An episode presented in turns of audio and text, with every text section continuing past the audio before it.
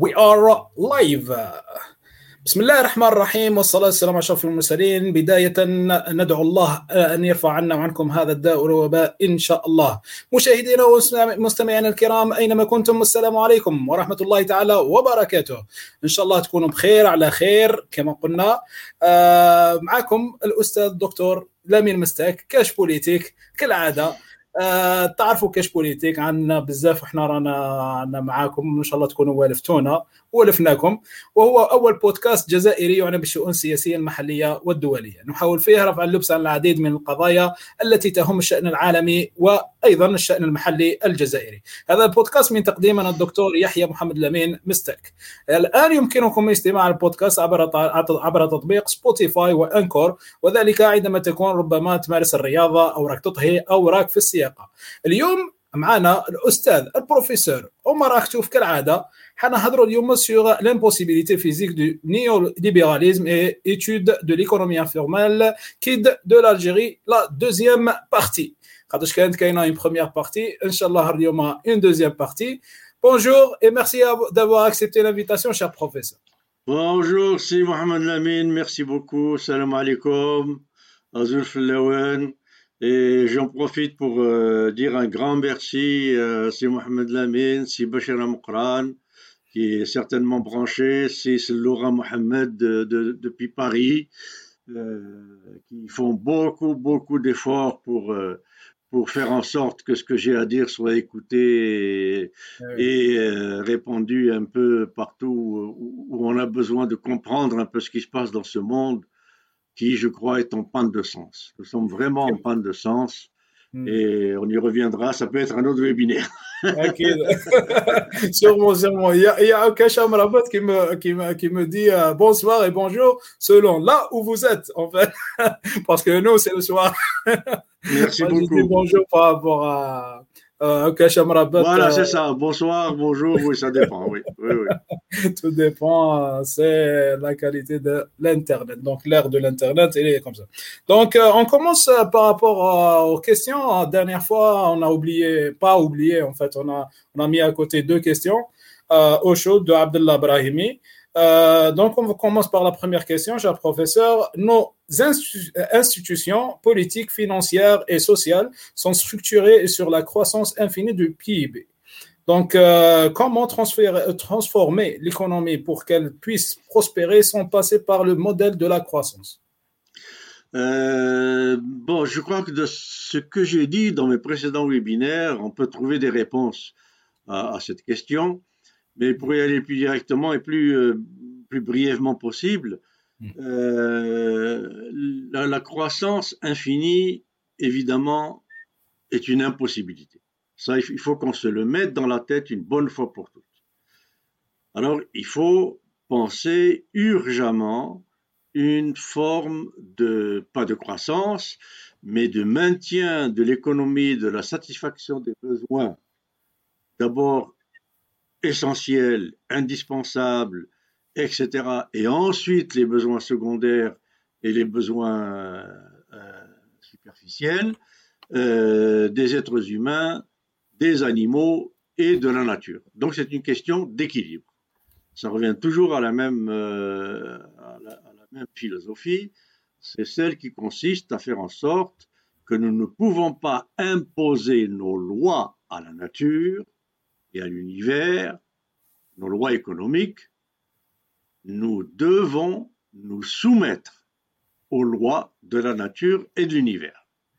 Et les lois de la nature et de l'univers, c'est les équilibres. Alors en termes de croissance, qu'est-ce que ça veut dire? Il y a déjà des théories là-dessus, hein, théorie du, notamment euh, qui a été euh, inaugurée par le Club de Rome déjà, euh, Halte à la croissance, 1968 ou 72.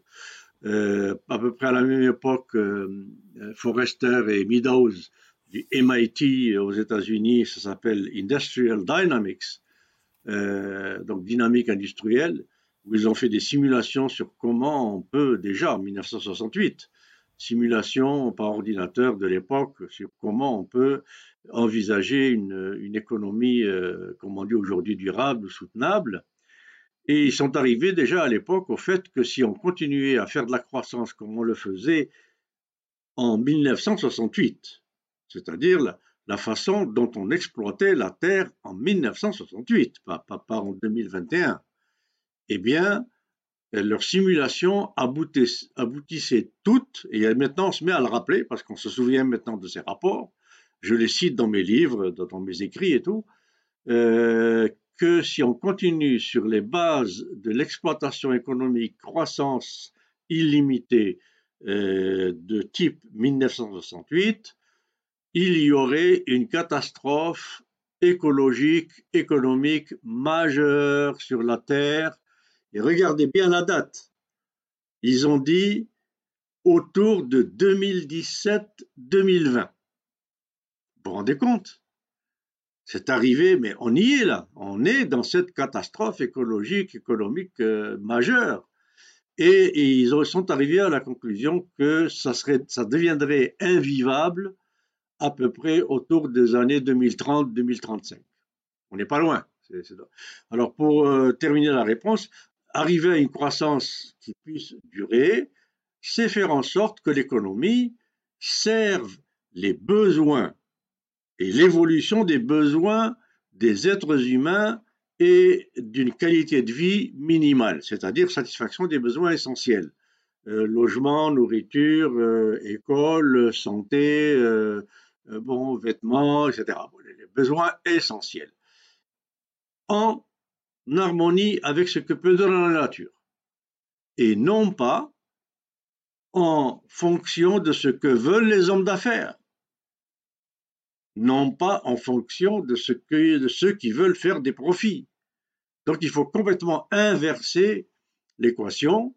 Au lieu de commencer par je veux le profit maximum, quelles sont les techniques que peuvent m'enseigner les économistes, les écoles de gestion, etc., pour utiliser cette terre et utiliser cette société pour faire le profit et le, la croissance euh, maximum, il faut faire l'inverse.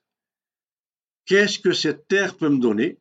Combien d'arbres par an? Combien de poissons? Combien de sardines? La qualité de l'air? La qualité de l'eau? La qualité de ceci, etc. Comment je peux faire pour Qu'est-ce qu'il faut pour maintenir la société humaine en état de dignité? C'est-à-dire que chaque citoyen soit nourri, logé, etc., etc. À partir de là, quel est le profit que je peux faire? Et ce profit que je peux faire, c'est le profit de ce qu'on appelle la croissance zéro. Croissance zéro, ça ne veut pas dire qu'on n'évolue pas. Croissance zéro, ça veut dire qu'on est en équilibre constamment avec l'évolution des besoins réels et des capacités réelles de, euh, de la nature à, à, les suivre. Alors voilà un peu, mais on reviendra là-dessus parce que c'est une question de, évidemment de futur. Il y a, il y a aussi y penser. Ok, merci d'avoir répondu à cette question. Il y a une deuxième question euh, de Abdullah Brahimi toujours. Est-ce que, la, euh, est-ce que le concept de l'économie circulaire peut être un remède et qui peut s'inscrire dans la théorie du donut? Oui, oui, oui, ben oui, la théorie du donut est une, est une variante de, l'économie circulaire, bien sûr. Euh, l'économie circulaire, qu'est-ce que ça veut dire? L'économie circulaire, ça veut dire, c'est un peu ce que je viens de dire, c'est un peu comme la, croissance zéro. Euh, ça veut dire que quand on fabrique des bouteilles pour mettre du vin ou de la bière ou, du, ou de, la limonade ou tout ce qu'on voudra, eh bien, il faudrait que là-dedans, qu'on fasse en sorte euh, que, que, rien ne se perde. C'est-à-dire que le, verre qui est utilisé pour la bouteille euh, serve à quelque chose d'autre, que le plastique pour le bouchon serve à quelque chose d'autre, pour que, etc., le camion qui a servi à transporter tout, ce qui le compose va resservir à faire. C'est ça l'économie circulaire, c'est-à-dire, donc, on commence un fait économique quelque part pour tout un circuit de biens et de services, et tous ces biens et services devraient laisser derrière eux non pas des déchets, du gaspillage et des pertes, mais des possibilités de recyclage, c'est-à-dire de refaire encore d'autres bouteilles, faire encore d'autres limonades, faire encore d'autres camions, etc., etc. Alors ça, ça, ça revient absolument, oui, à l'économie du, donut, du, euh, Kate Horwath, de, ce, fameux Donuts Economics, ou Donuts Model, et euh, où l'intérieur du, c'est un peu ce que je disais sur la thermodynamique, l'intérieur du, euh, du beignet, c'est ce qu'on fait à l'intérieur de euh, la stratosphère, c'est-à-dire à l'intérieur de l'atmosphère, donc tout ce qui concerne les forêts, la nature, les océans, etc. La chair, la pâte du, beignet, c'est tout ce qu'on fait pour utilité, biens, services, etc., qui varie. Donc cette épaisseur de la pâte du beignet varie en fonction de la variation des besoins et euh, des utilités dont ont besoin les êtres humains. J'ai bien dit des besoins, pas, pas des profits. Pas des, les, profits ne sont pas des besoins. Les profits sont, sont des surplus euh, dont j'ai expliqué l'origine destructrice. Bon, et ce qui est au-dessus euh, du beignet, c'est ce qui va de l'extérieur de la pâte jusqu'à la stratosphère c'est-à-dire ce qu'on fait à l'atmosphère qui, est au-dessus de nous et qu'on est en train aussi de, massacrer. Vous savez, le, nombre de débris, de millions de débris euh, qui, qui, se promènent dans l'espace sont déjà une menace pour nous. Parce qu'ils peuvent tomber d'un jour ou l'autre, euh, maintenant ils tombent par petites quantités, ils peuvent se heurter, ils peuvent heurter des satellites, ils peuvent, euh, etc., et euh, augmenter euh, ou varier la densité et donc la capacité d'attraction ou pas, de gravitation ou pas de l'atmosphère par rapport à, des astéroïdes de plus ou moins petite taille, et, tout ça est une catastrophe qui, plane au-dessus de nous. Alors il faut le savoir, ça, c'est quelque chose de nouveau euh, Kate Harworth ne, le dit pas directement, mais qu'on peut découler de son raisonnement, c'est que, attention, c'est pas juste l'intérieur du beignet, c'est-à-dire entre nous, la Terre et notre atmosphère qui est, le problème, c'est aussi tout ce qui est au-dessus du beignet. Comme, comme, euh, on va dire une clé de Damoclès. Exact, il y en a deux. C'est-à-dire, mm. c'est comme une chandelle par les deux bouts. Mm. Alors, le, trou dans la couche d'ozone, etc., etc., les, les, jets euh, d'air froid et d'air chaud qui changent dans tous les sens et qui font qu'aujourd'hui, euh, on a plus froid à Paris qu'à Montréal. C'est quand même. Euh, c'est quand même... Même en Espagne. Ben oui, ben, bien sûr. Maintenant, l'hiver montréalais se trouve à mm. Madrid et, à Paris. Mm. Ici, on a l'hiver de. Aujourd'hui, il fait plus 5. Non, jamais vu ça. En plein février, normalement, il devrait faire moins 30. Voilà, donc oui, euh, pour répondre à cette question, j'espère que, c'est clair. Merci. Ah, il n'y avait que deux questions, donc on va commencer par le webinaire. Euh, je, euh, je, veux juste dire à nos chers téléspectateurs qu'ils peuvent laisser leurs commentaires, leurs questions au fur et à mesure et on va essayer de répondre juste après le, le webinaire. Allez-y, le stage. Merci beaucoup. Alors très bien, je vais essayer d'être comme d'habitude. Euh, je, fais ces promesses, mais j'ai des difficultés à les tenir. À essayer de me tenir à trois quarts d'heure, une heure d'exposé, j'espère, Inch'Allah.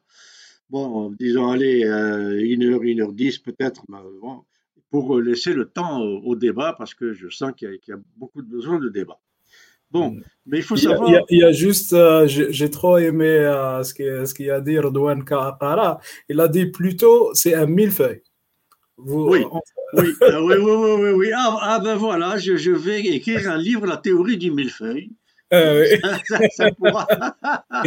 on, va, on va voir la théorie du beignet et du millefeuille. Et bientôt, on, verra elle peut, elle peut, elle peut s'introduire en théorie de Barlawa. Voilà. Et on ira enseigner l'économie dans les pâtisseries. Et bien sûr. En Algérie, les, les, meilleurs livres qui se vendent, c'est les, les, livres qui euh, concernent euh, tout ce qui est la gastronomie et tout. Donc, c'est le best ah, bon. C'est eh le ben, best Et c'est pas étonnant hein, dans, dans l'époque où on est. Alors donc, euh, je voudrais un peu euh, faire un peu l'état des choses depuis les deux semaines qui sont passées.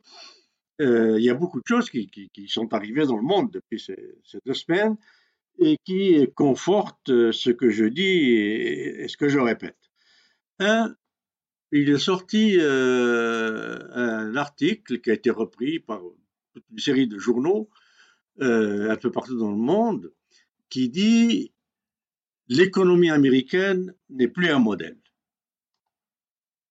Bon, alors là, on a, un problème énorme. Parce que tout ce que nous enseignons, tout ce que nous faisons, tout ce que nous pratiquons en termes d'économie et de gestion, que ce soit en Algérie ou ailleurs, quelle que soit la partie du monde dont on parle, c'est malheureusement beaucoup plus le modèle américain que le modèle allemand, scandinave, japonais, etc., dont j'ai déjà parlé et qui est tout à fait différent et pour lequel j'ai expliqué pourquoi il ne plaît pas à nos classes dirigeantes qui préfèrent largement le modèle américain parce qu'avec la, fiction du marché, tout ce qui s'ensuit, et les actions, la spéculation, tout ça, il permet de euh, donc tricher, euh, corrompre, détourner, etc., Bon, on connaît tout ça. Alors, euh, donc, dans cet article, qu'est-ce qu'il est dit? Il est dit, regardons un certain nombre de paramètres. Je ne pas les donner tous, mais quelques-uns. Euh, je les ai donnés, je pense, dans le séminaire que j'ai fait la semaine dernière pour euh, la faculté de finance de, Constantine. Euh, donc la dette fédérale, fédérale, pas la dette totale, hein, la dette fédérale américaine, c'est-à-dire que les États-Unis doivent à leur propre banque centrale, même si c'est une banque privée qui appartient à, à, une douzaine de banques privées, dont particulièrement les Rothschild, elle joue un peu le rôle de banque centrale et elle imprime la monnaie pour le ministère des Finances, qui est le donneur d'ordre d'impression de la monnaie euh, des États-Unis. Donc, 107% du PIB américain en 2018. Alors, si on ajoute tout ce qui s'est passé depuis, la Covid, ça doit peut-être frôler les 100%. Vous imaginez, juste la dette fédérale. Alors, qu'est-ce que c'est dette fédérale par rapport à dette totale? Ben, La dette totale, il faut ajouter la dette extérieure, la dette d'exportation, la dette d'import-export, euh, la dette de, fusion-acquisition, euh, les dettes hypothécaires, les dettes de consommation, les dettes étudiantes, etc. etc. Bon, toutes ces dettes-là, si on ajoute toutes ces dettes-là, ce qui donne la dette totale, bon, je ne sais pas, peut-être qu'on arriverait à 200, 300%. Bon, alors, c'est pire qu'à la fin de la Deuxième Guerre mondiale. Donc, cette dette fédérale américaine en pourcentage du PIB est aujourd'hui euh, pire que ce qu'elle était au lendemain de la Deuxième Guerre mondiale. Alors, c'est dire la gravité de la situation et dire l'incapacité du système américain à être préventif. Ce que nous a montré cette Covid. Alors, regardez aujourd'hui. Comme par hasard, on voit que la logique commerciale, la logique économique, la logique du profit, la logique gestionnaire qui est derrière la, gestion des grandes pharmaceutiques de l'Occident, voyez à quoi on arrive.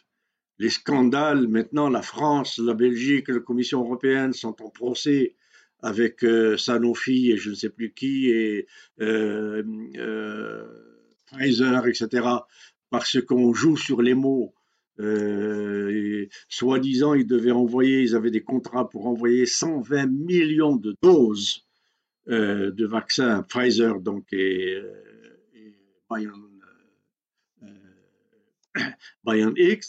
à, à, la France. Ils leur ont envoyé que 100 millions. Et ils ont joué sur les mots en disant, en disant qu'il y a une différence entre dose et flacon.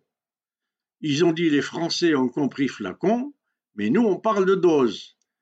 Or, dans 100 millions de flacons, il y a 120 millions de doses. Voilà un peu. Mais, mais on, est, on est en plein banditisme là.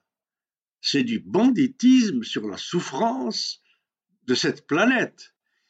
Alors, qu'est-ce que ça a donné? Ben, Ça a donné que tout d'un coup, alors que Poutine l'a annoncé euh, six mois après, je pense, euh, les, premières, les premiers confinements du Covid, tout ça, il a annoncé que la Russie avait un vaccin.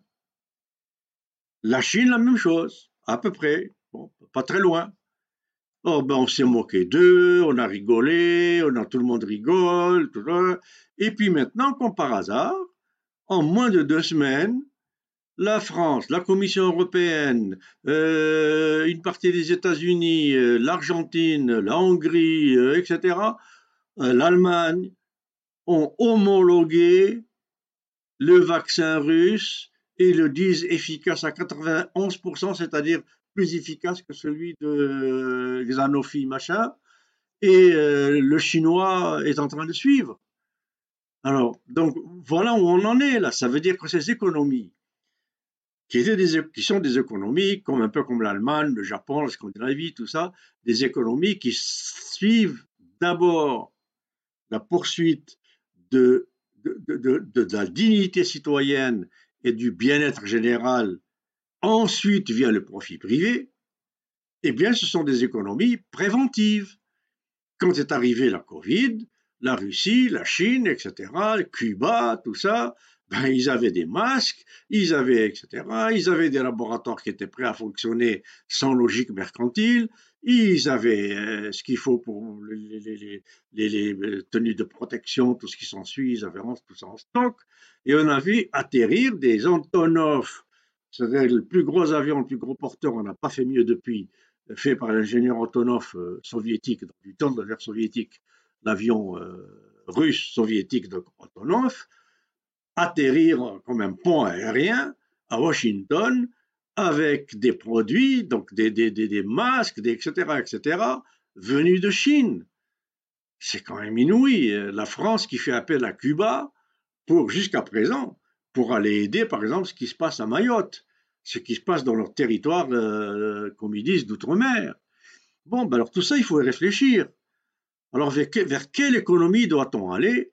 Ben, Déjà là, ça nous donne une idée. Il faut aller beaucoup plus vers une économie qui s'assure d'abord du bien-être général, y compris la nature. Ensuite, la rémunération du capital, que je ne confonds pas avec le profit. Ensuite, le profit. Ensuite, l'enrichissement individuel. Et avant tout, la prévention. Mais la prévention, évidemment, ne rapporte pas d'argent. Alors, quand on est dans une logique d'économie, de gestion qui est faire de l'argent, tout ce qui est préventif, faire des stocks de masques ou de blouses euh, protectrices contre les, virus les plus, virulents, ça ne rapporte pas d'argent. Donc, on n'en a pas. Et quand le virus arrive, on va crier au secours à la Chine et à Moscou et à Cuba. Bon, donc 77%, euh, 80% du PIB il y, a, il, y a, il y a, juste, excuse-moi, je, vous interromps, il y a que juste Redouane Kara, il, dit que quel que soit le modèle économique, s'il n'est pas porté par une morale bienfaisante, il est là, attends, bienfaisante euh, et équitable, il aboutira au même résultat actuel. Absolument. Mais on est dans un système complètement amoral. Le système dominant à l'américaine est un système amoral, tout simplement parce que la logique de ce système, c'est la logique de la cupidité et de l'appât du gain. Or, la cupidité et l'appât du gain n'ont jamais rien eu à voir ni avec la morale ni avec l'éthique. Et ça tombe bien, cette intervention, parce que allez en parler aussi.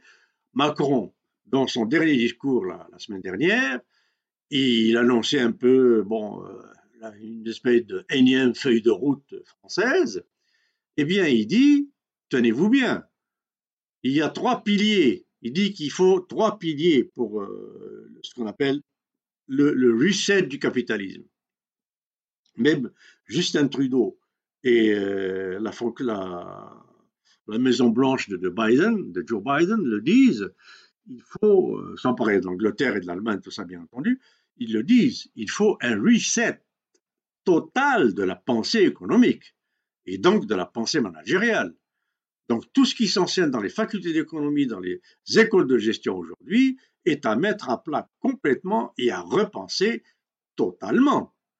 Ce qui explique qu'il y a des tas de gens, moi je vois, enfin des tas, des gens qui demandent à se faire enlever du listing de mes webinaires, et je les connais, c'est des professeurs d'économie, des professeurs de gestion, des professeurs de stratégie, des professeurs de comptabilité, de finance, etc. Je suis en train de leur enlever leur gagne-pain. Donc, ils ont intérêt à, ne pas écouter ce que je dis. Et surtout, quand ça vient de, Macron, etc., de milieux comme Davos, je vais en parler, du, Forum économique mondial créé par Klaus euh, Schauble, le, ministre de, qui était ministre des Finances de, Merkel, etc.. Bon, donc Macron dit à trois piliers. Pilier numéro un, moraliser le capital, l'économie. Mais, Sarkozy l'a déjà dit. François Hollande l'a déjà dit. Obama l'a déjà dit en 2008. Il fallait moraliser ce capital devenu complètement euh, bandit, complètement amoral. Ce que Adam Smith a dit, on s'entend. Vous laissez des hommes d'affaires, des businessmen faire du business sans surveiller ce qu'ils font, et vous avez trois bandits. Alors si on dit que cette économie n'est pas morale, on dit que c'est une économie de bandits. C'est tout. Pas compliqué. Thorstein Veblen l'a écrit aussi. Arrêtez de... Schumpeter, Capitalisme, Socialisme et Démocratie. Thorstein Veblen dans euh, The Economy of the, Theory of the Firm. Il dit attention, arrêtez de... Même Max Weber l'a écrit à sa manière. Attention, l'homme d'affaires n'est pas forcément, je dis bien l'homme d'affaires, hein. je ne dis pas l'entrepreneur qui fait des utilités, qui fait ceci, ça existe, heureusement, et qui sont au service de l'économie dans le sens économique premier du terme. Heureusement, ça existe, mais c'est de plus en plus rare, malheureusement, et de plus en plus euh, marginal. Bon, donc il dit, Thorstein par exemple, dit, attention, un homme d'affaires, ben, ça peut devenir beaucoup plus un prédateur qu'un soutien à l'économie, à la société. Et il rajoute pourquoi Pourquoi? Parce que ce prédateur, son intérêt, c'est de faire des profits. C'est ça qu'il veut. C'est des profits maximaux. Voilà ce qu'il veut. Et si la rareté, la mauvaise qualité, la, tricherie, etc., permettent de faire du profit, eh bien, il va tricher, il va faire de la mauvaise qualité, et il va organiser la rareté comme l'a décrit Amartya Sen, euh, prix Nobel d'économie, ce qu'il y a valu le prix Nobel d'économie, il a expliqué comment les grandes famines euh, des années 40, qui ont fait notamment des millions et des millions de victimes, notamment en Asie, en Inde et en Afrique, eh bien, il a montré comment ça a été complètement organisé par le cartel de, Chicago, qui est le cartel qui dirige, qui contrôle, qui spécule sur les prix des céréales. Et comme à l'époque, ils avaient intérêt à faire augmenter le prix du blé, de bien des céréales, eh bien, ils ont organisé des stocks monumentaux, ils ont asséché les marchés, ce qui fait que les prix du blé, du riz, de tout ce qui s'ensuit est devenu inaccessible, et ils ont organisé une famine mondiale. Bon, alors voilà un peu, euh, je remercie ce monsieur et je rebondis un peu sur ce qu'il dit. Donc, il faut savoir aussi que ce, donc, ce 80%, euh, que ce 107% donc, du PIB de l'Amérique, qui est l'équivalent de la dette, la dette fédérale du, PIB, c'est l'équivalent de 80% du PIB de la zone euro. Vous vous rendez compte? 80% du PIB de la zone euro, c'est l'équivalent de la dette fédérale américaine. Qui va rembourser ça? Alors que l'Amérique est, sous la menace de cinq bulles énormes. La bulle de la dette des étudiants qui, depuis des années et des années, s'endettent comme des fous, ils ne trouvent pas de travail. C'est déjà 5, 6 000 milliards de dollars. La dette immobilière aussi, qui est en train de repartir comme en 2007-2008. La dette des produits dérivés, des produits toxiques et, des, des, paris à découvert, donc ce qu'on appelle les ventes à découvert, euh, des gens qui spéculent maintenant, même Elon Musk est mêlé à des scandales là-dessus, où on vend à la bourse des actions qu'on n'a même pas. Ce qu'on appelle des ventes à découvert, donc la spéculation sur la, sur la baisse euh, des prix. Alors on vend ce qu'on n'a pas en espérant que les prix vont baisser et on les rachète plus tard beaucoup moins cher qu'on les a vendus. Mais, qu'est-ce que c'est que ces folies là? Alors voilà où on en est. Donc 80% euh, donc, du, PIB de la zone euro, alors que la zone euro ne s'est pas encore relevée du poids du scandale de la dette grecque qui a été provoqué, comme on s'en rappelle, par Goldman Sachs, qui gérait la dette grecque et qui a spéculé à la baisse sur la dette grecque, euh, la dette de l'Italie, la dette de l'Espagne. Bon, alors, Il y a, il y a, aussi, il y a aussi euh, Mohamed Sellora qui, qui rebondit sur ça. Il dit en ce moment, il y a aussi beaucoup de voix qui s'élèvent un peu partout en Europe pour l'annulation des dettes des États détenus par la BCE. Ah ben, bien entendu. Mais bien entendu, ben, j'espère bien. Il y, a, Jacques Généreux, il y a, etc. Il y a Bernard Marie, ça fait à son âme. Il y, en a, bon, euh, euh, même, même des gens de, l'OCDE, du, du, FMI, de, etc.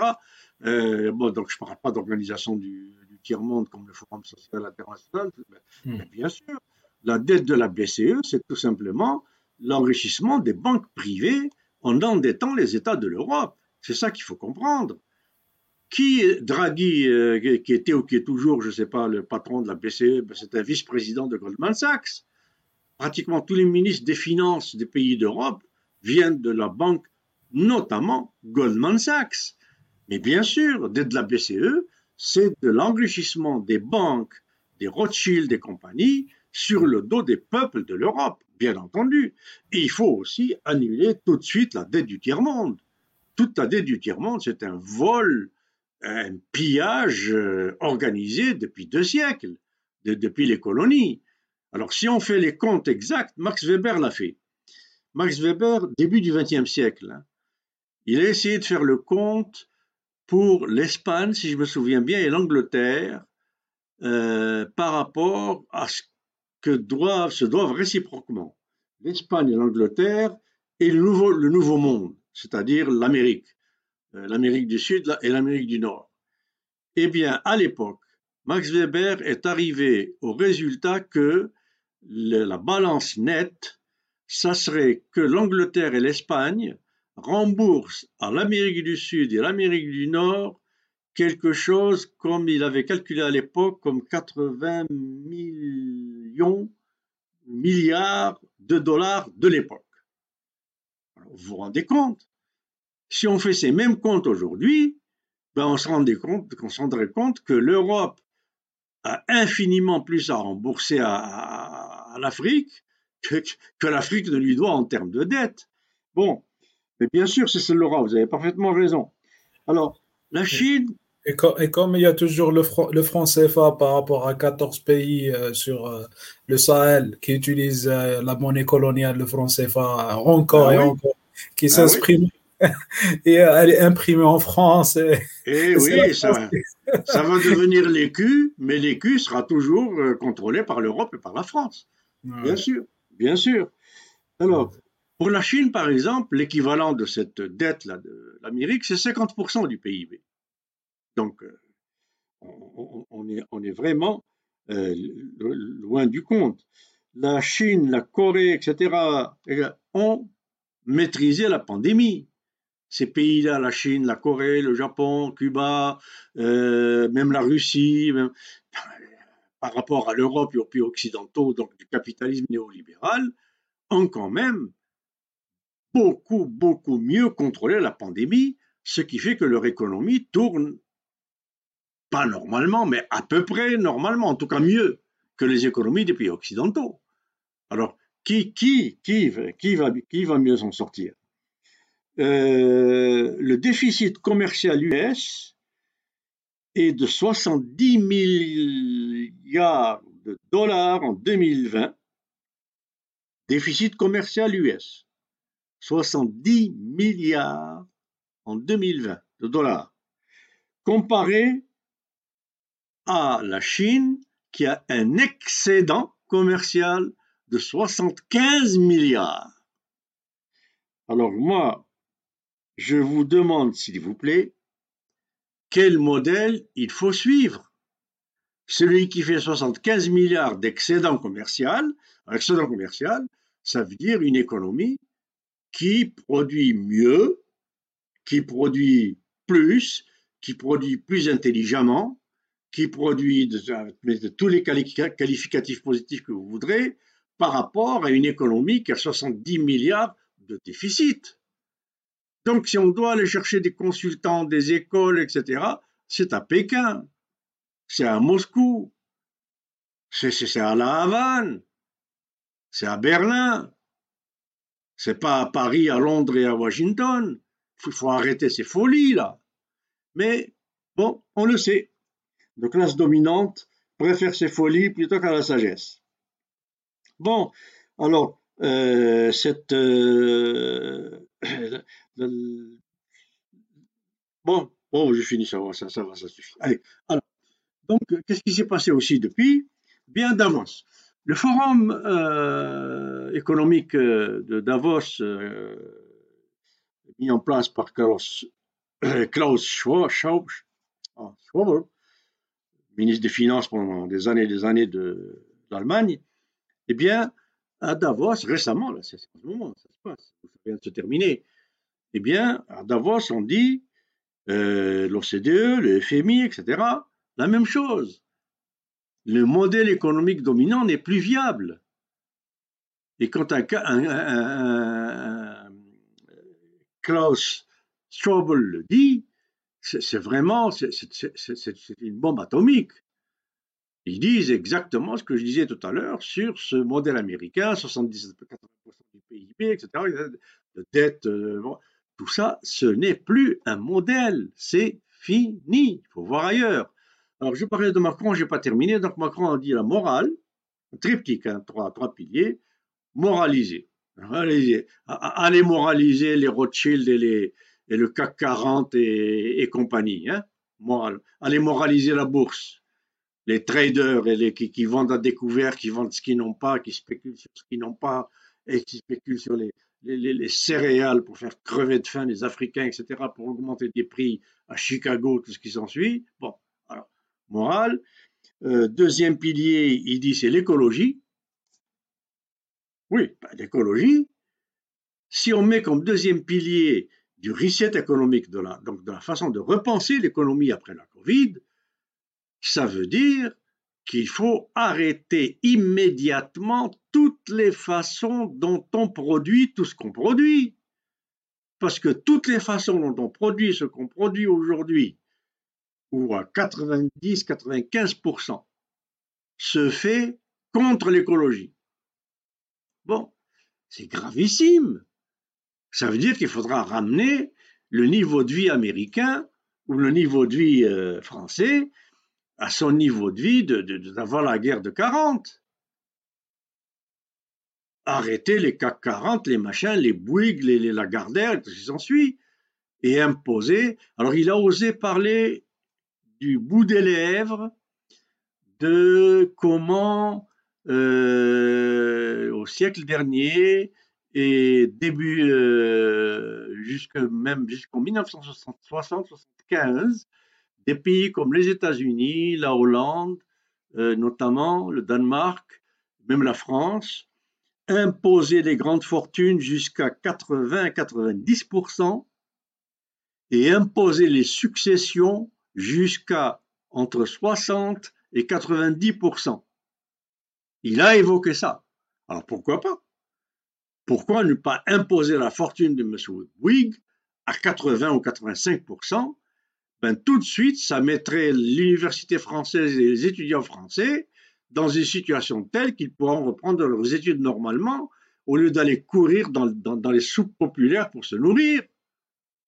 Bon, alors il a évoqué ça. Donc, morale, écologie et euh, le troisième, les inégalités. Bon.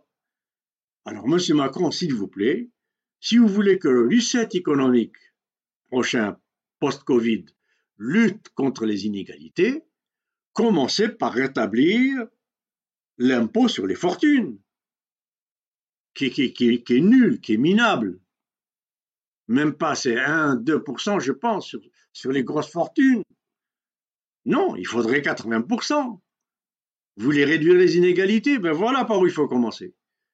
Le rapport d'Oxfam vient d'établir que, et ça c'est encore au même moment que Davos, hein, le rapport d'Oxfam sort au même moment que, le forum de Davos en général, et on a établi que le 1% le plus riche de la planète, ça leur a pris neuf mois pour récupérer tout ce que la pandémie leur a fait euh, perdre.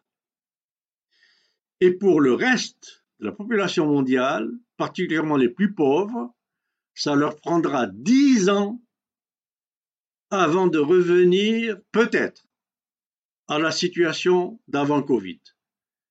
Alors, mais c'est inadmissible. C'est complètement inadmissible. Ce 1%, il faut immédiatement aller chercher dans les évasions fiscales, on sait où c'est, les, Panama Papers, etc., les banques de Caïman, de Jersey, le Delaware aux États-Unis, on sait où c'est, on a les adresses, on a les numéros, on a les comptes, on a les noms, on a tout. On a l'appareil juridique, il y a tout. Il suffit d'une volonté politique et d'aller chercher des milliers, des milliers, des milliers de milliards de dollars qui vont estomper les effets de la pandémie pour les plus démunis en, quelques semaines. Bon, alors, donc voilà un peu, moi j'aimerais bien que Macron tienne parole et que, en tout cas, il a créé, comme chacun sait, ou je sais pas, je vous le dis, ce qu'avait créé De Gaulle au lendemain de la Deuxième Guerre mondiale, un commissariat national au plan, avec à sa tête Bayrou. Et Bayrou n'est pas connu pour être particulièrement un supporter des, du CAC 40, des Bouygues et de la Gardère. C'est plutôt centre-gauche.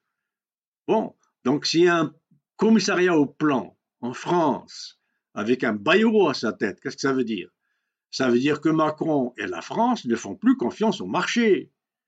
Ça veut dire que c'est fini cette histoire de laisser faire, néolibéralisme, le marché va tout régler. Il faut un plan. Et ce plan existe en Allemagne, il existe au Japon, il existe en Corée, il existe en Scandinavie. Il existe... Et qu'est-ce que ça veut dire plan? Ça veut dire dire aux hommes d'affaires et aux entreprises, à partir du gouvernement qui pense d'abord le bien-être de la nation et du territoire et des citoyens, voilà ce que vous l'avez fait, vous allez faire. Vous, Total, vous, Peugeot, vous, Renault, vous allez employer 70% des chômeurs actuels. Eh bien, s'il vous reste zéro profit, tant mieux. Vous, tant pis, vous vous contentez de vos salaires, et puis c'est tout. Et on l'impose, etc. Voilà ce que ça veut dire un plan. Un plan, ça veut dire que le gouvernement va remplacer le marché. Or, ça, c'est le contraire total de ce que dit le néolibéralisme. Il faut être un peu cohérent quand même. À commencer par Macron. Bon, alors vous voyez, donc il, s'en est passé des choses depuis. Hein. Alors, euh, un rapport du gouvernement de du Royaume-Uni, sorti il y a trois jours, euh, patronné par un économiste de Cambridge, et euh, donc euh, élaboré par toute une équipe d'économistes euh, dans le monde, mais patronné par Cambridge. Cambridge, ce n'est quand même pas rien. Bon. Et qu'est-ce que dit ce rapport? Eh bien, ce rapport dit exactement ce que je suis en train de vous dire depuis je ne sais combien de webinaires. Son titre, le titre, ou le titre des, articles qui, qui, en font, qui en font état. Moi, je l'attends, je l'ai commandé, je ne l'ai pas encore reçu mais ça dit ceci. La prospérité économique de la planète depuis la Deuxième Guerre mondiale a été construite sur la destruction de la planète, textuellement. Textuellement. Et moi, quand je dis le profit, c'est de l'énergie transférée depuis la nature qui est détruite depuis les, écosystèmes qui sont détruits, les, euh, équilibres homéostatiques, la pauvreté, les maladies, les, etc. C'est du transfert d'énergie qui alimente la flèche qui monte du, profit et du PIB, du PNB, etc. Ben c'est exactement la même chose. Bon, alors je sais qu'on a un forum euh, de compatriotes euh, que je, pour qui je, je n'ai rien, mais je leur souhaite toutes les chances du monde, qui parle de comment mettre l'Algérie sur la, voie de la prospérité, eh bien, qu'ils lisent ce rapport et qu'ils comprennent d'abord comment la prospérité, c'est de la destruction. Rapport écrit et, et, patronné, encore une fois, par Cambridge. Bon, alors, prospérité comment? Sans détruire? Ben, Je voudrais voir ça, qu'on me l'explique. Bon, Alors voilà, donc vous voyez un peu tout ce qui se passe et ça s'accélère. Hein et ça, je pense que le Covid est un, révélateur énorme. Voilà, alors, euh, je pense que j'ai fini avec, excusez-moi, mais, ça vaut la peine. Ça vaut la peine parce que j'en ai assez de, de me faire dire ou de dire, j'entendre dire qu'on dit que euh, c'est de la rhétorique stérile ce que je fais, euh, je, vais chercher des choses, des, histoires là où, il n'y a pas euh, équivalence entre physique, thermodynamique, chimie, blablabla, etc. Histoire, tout ça, que je fais que du blabla, que, que tout ça ne tient pas debout, que ça n'est pas enraciné sur des réalités, que c'est déconnecté. Alors, Omar Akhtouf, déconnecté du réel, ça c'est une phrase qui est devenue un buzzword quasiment euh, algérien total, enfin bon, pas dans tous les milieux heureusement, mais quasiment un peu partout, on n'aime pas ce que je dis. Bon, et eh bien alors voilà la connexion à la réalité. Cambridge nous le dit. Vous vous connectez à la réalité, ben, ce que vous appelez prospérité économique, c'est destruction de la nature et de l'univers. Alors arrêtez, Arrêtez, stop. Et ce rapport ajoute sondage auprès de milliers longitudinales, de milliers de milliers de citoyens, bon, en Angleterre, je sais pas où, etc. Bon, en tout cas, j'ai pas encore le rapport, les détails malheureusement. Euh, dès que je les aurai, je vous en parlerai. Eh bien, résultat de ce sondage, très certainement énorme, euh, à la hauteur en tout cas du rapport et de là où il sort, c'est que les citoyens de cette planète. Donc, ils ont fait ce rapport en Occident, essentiellement. États-Unis, Canada, France, euh, Europe, tout ce qui en suit. Eh bien, les citoyens,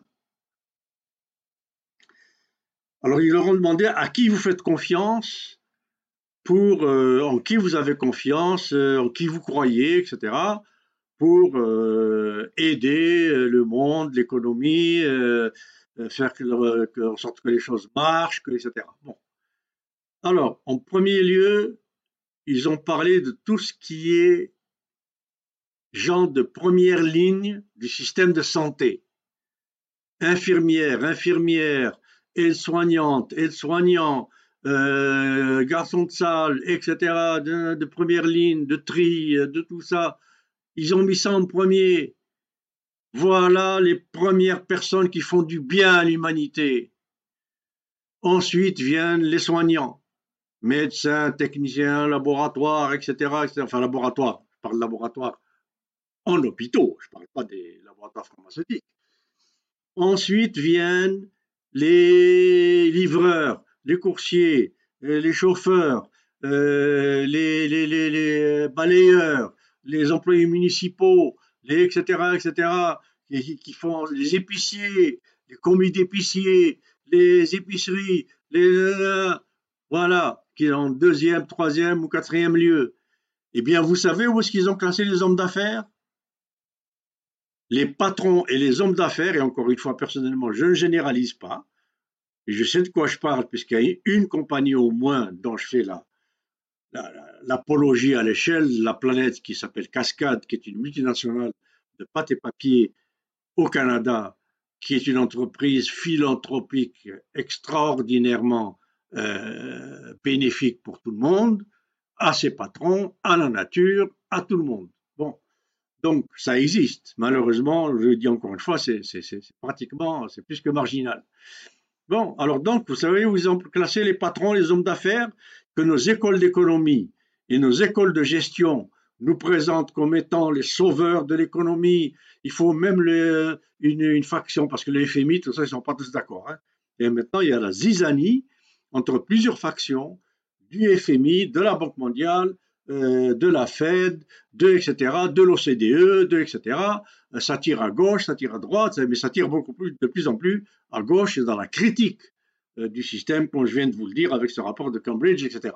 Bon, donc, euh, les hommes d'affaires et les patrons qu'on nous présente comme étant les bienfaiteurs ceux qui créent, qui, l'Algérie, si elle doit s'en sortir, c'est avec des entrepreneurs, et il faut libérer l'entreprise, il faut supprimer l'État, il faut supprimer les règlements, il faut dérégler, il faut ouvrir, il faut arrêter les contrôles, il faut laisser le saint homme d'affaires super intelligent, euh, je sais pas quoi, super Goldorak, euh, machin, euh, sauver. Eh bien, les populations sondées de l'Occident, etc., par les rédacteurs de ce, rapport, les mettent quasiment à l'avant-dernier ou à l'avant-l'avant-dernier rang, avant, avant quasiment les, les, les, les, trafiquants. Bon, alors voilà où on en est aujourd'hui. Et ça, c'est de la réalité, ça. Alors arrêtez de me dire que je suis déconnecté de la réalité. Bon, alors, voilà, donc ça me fâche un peu. Ça va? Il y a quelque chose? ça, ça, On est à 50 minutes. Il y a juste un commentaire de toujours euh, Radouane, euh, Kara. Il a dit euh, Attends, je, me lis.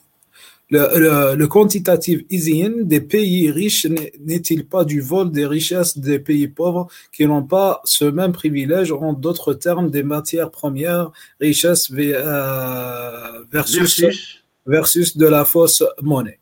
Oui, le quantitative easing, c'est euh, ce qu'on appelle en français l'assouplissement quantitatif.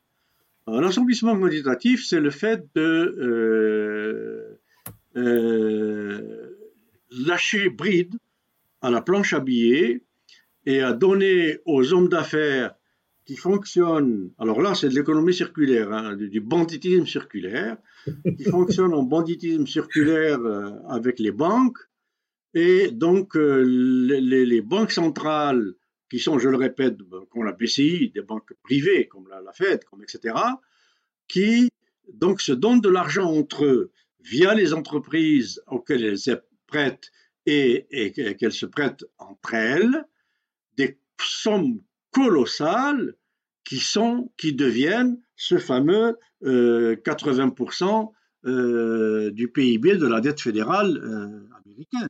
C'est exactement ça. 80% du PIB qui représente la dette fédérale américaine, c'est ce que le ministère des Finances, donc ce qu'on appelle le secrétaire au Trésor américain, a demandé à la Banque fédérale d'imprimer comme monnaie pour venir au secours des banques d'abord, des institutions financières et des hommes d'affaires. Et cet argent se recycle entre eux.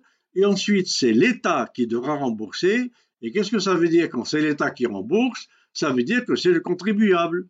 Ça veut dire qu'après le Covid, on va inventer de nouvelles taxes, de nouvelles, etc., sur le travail, sur la, consommation, sur, va faire payer toujours les mêmes, toujours les plus pauvres, y compris, bien entendu, euh, l'Afrique et, le tiers-monde. Alors cet argent-là, ben écoutez, cet argent-là, qu'est-ce qu'il représente?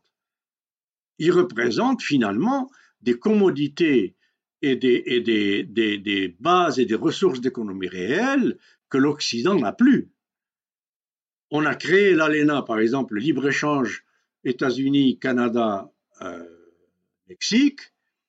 parce que, notamment, notamment entre autres, hein, les États-Unis et le Mexique, les, les États-Unis et le Canada n'ont plus de bois, de bois suffisamment mûr, suffisamment, etc., parce qu'on construit énormément en bois aux États-Unis et au Canada. Or, le, Mexique, le sud du Mexique notamment, le Chiapas, tout ça, etc., le Guatemala, ben, eh, c'est pratiquement l'Amazonie. Il y a du bois.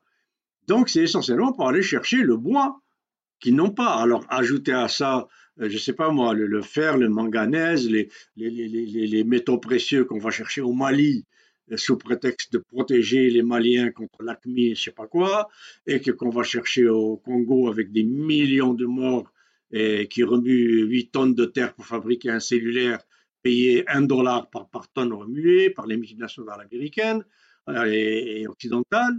Juste ces multinationales qui payent 1 dollar par tonne de terre remuée pour fabriquer un laptop ou un, ou un, ou un cellulaire et qui font ce qu'ils font au Mali pour la même chose et qui font de l'argent avec ces cellulaires, etc., et qui vont ensuite profiter du quantitative easing, enfin de l'assouplissement quantitatif, donc de, planches à billets, barres ouverts pour les banques, les institutions financières et, les, les grandes entreprises, eh bien, tout ça, c'est du vol du tiers-monde. Vous payez un dollar quelqu'un qui vous remue une tonne de terre pour faire votre, pour faire votre laptop, combien vous faites de bénéfices Et souvent, c'est des enfants de moins de 12 ans qui font ça, au Congo notamment, dans les Grands Lacs. Alors, ne parlons pas de la canne à sucre. Un dollar la tonne de canne à sucre en Haïti, payé par, par Béguincé, par les multinationales du sucre occidental. Mais bien sûr, vous avez parfaitement raison. C'est quand il arrive easing, c'est du vol de ce qui est la véritable ressource économique qui n'existe, qui n'est que l'économie réelle. Et cette économie réelle, ça va même plus loin. Même ce qu'on appelle les migrants, là, les victimes, comme, moi je les appelle, les victimes sinistrées des guerres pétro-impérialistes de Washington, Tel Aviv, etc., eh bien, ces victimes sinistrées qui soi-disant migrent, migrent, on le sait, en payant des passeurs, on nous dit entre 500, 1000, 2000, 3000, 4000 euros par personne. Alors, quand ils payent en euros, ces euros, c'est des, des, écus, comme on dit aujourd'hui, ou des, comment dire, on dira bientôt, ou des francs CFA, ou des dinars algériens, etc., transformés en euros. Et quand ils sont transformés en euros, où est-ce qu'ils vont?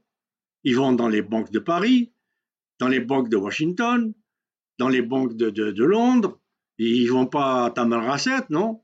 Ils vont pas à La Roite ou à Ouagadougou. Et ces migrants, une fois qu'ils sont de l'autre côté, c'est non seulement de la main-d'œuvre immigrée, mais de la main-d'œuvre immigrée non seulement gratuite, mais qui a payé pour venir. Et cette main-d'œuvre, on le voit, il y a des documentaires qui ont été faits notamment sur l'Italie, le sud de l'Angleterre, le sud de la France, le sud de l'Espagne, etc., ou la Grèce, euh, où ils sont utilisés comme des esclaves dans l'agriculture, dans la tomate notamment. Il y, a, eu un documentaire sur le circuit de la tomate qui, est absolument, absolument euh, éreintant de, de cruauté envers ces gens-là. Et en plus aussi. On vient de voir juste euh, que qu'il y a en, Libye, ça a commencé à avoir des, des marchés d'esclaves et tout euh, par rapport à l'intervention ah ben oui. française. Bien entendu. Absolument. Et c'est ce que ça dit en euros. Et les euros, ils finissent où? Comme je l'ai dit. Alors, est-ce que vous vous imaginez que quand Paris, Washington, Londres, etc. nous disent on veut arrêter les migrants, est-ce que vous pensez que c'est vrai? Écoutez, ces migrants, c'est une source de rente de toutes sortes, de main-d'œuvre esclavagisée, de de, de, de, de, corps et, de sexe pour, les, les, lupanards euh, à bas prix, à vil prix, euh, d'Italie, d'Espagne, de Grèce, de France, etc. C'est des organes. Qu'est-ce qu'on sait? Ces gens-là, ils n'ont pas de famille, ils n'ont pas rien, pas d'identité. Ils finissent dans des hôpitaux, on leur enlève, ils, sont, ils deviennent des, réserves d'organes qui en enlèvent euh, au fur et à mesure des besoins des riches, un rein, un œil, comme ça se passe dans le, sud de la frontière du Mexique. C'est connu, ça, c'est pas, pas un secret polichinelle. Ou euh, les hôpitaux, parce qu'il y a beaucoup de, de Mexicains et de Latinos qui viennent du sud donc du, Mexique, et, etc., et qui sont dans la misère la plus totale, qui vivent dans la rue, ce qui s'ensuit. Et dès qu'ils rentrent, et donc pas de famille, pas de papier, pas d'adresse, pas de rien du tout, euh, pas d'existence, pas d'existence civile. Et dès qu'ils rentrent dans un hôpital, femmes, enfants, tout ça, la plupart n'en sortent plus. Ils rentrent pour une grippe ou une bronchite, et ils restent là comme réserve euh, d'organes qui sont vendus à de riches Américains, Suisses, Français, etc., qui viennent dans les cliniques de l'eau du Rio Grande se faire greffer tout ça. Alors bon, donc ça s'ajoute au easy. Euh... De Redouan Qara, oui, la question de Redouan Qara. Il y a la question de Mohamed Silora qui, qui, qui vous demande que pensez-vous du minimalisme comme mode de vie pour faire face au consumérisme aveugle? Oh ben, ben, je suis pour, bien entendu, bien entendu, mais un minimalisme imposé à tout le monde. Hmm. C'est tout. Pas, pas, minimaliste pour moi et maximaliste pour le voisin. Là, ça va plus. Mais malheureusement, c'est ce qu'on nous fait croire. Est-ce que c'est le système a intérêt à nous faire croire? Simplicité volontaire, tout ça, je suis pour. Moi, c'est des pensées nobles, tout ça. Survivalisme, tout ça, c'est des pensées tout à fait nobles. Vivons à l'échelle de ce que nous donne la nature, contentons-nous de peu, etc. Oui, bien sûr, il n'y a rien de plus noble. Minimalisme, euh, par rapport à ce que la nature peut donner, tout ça, c'est ce que je, je m'échine à répéter depuis des années. Bien sûr, mais il faudrait que ça devienne une politique économique. Alors ça, je l'écrirai peut-être, j'en ferai un autre webinaire, le reset économique de la post-Covid devra être minimaliste. Euh, euh, mais euh, minimaliste. Parler de ça, il y, a, il y, a, une demande sur ça de, de Mohamed Soulora. Il a dit c'est le moment ou jamais pour un webinaire sur le reset post-Covid.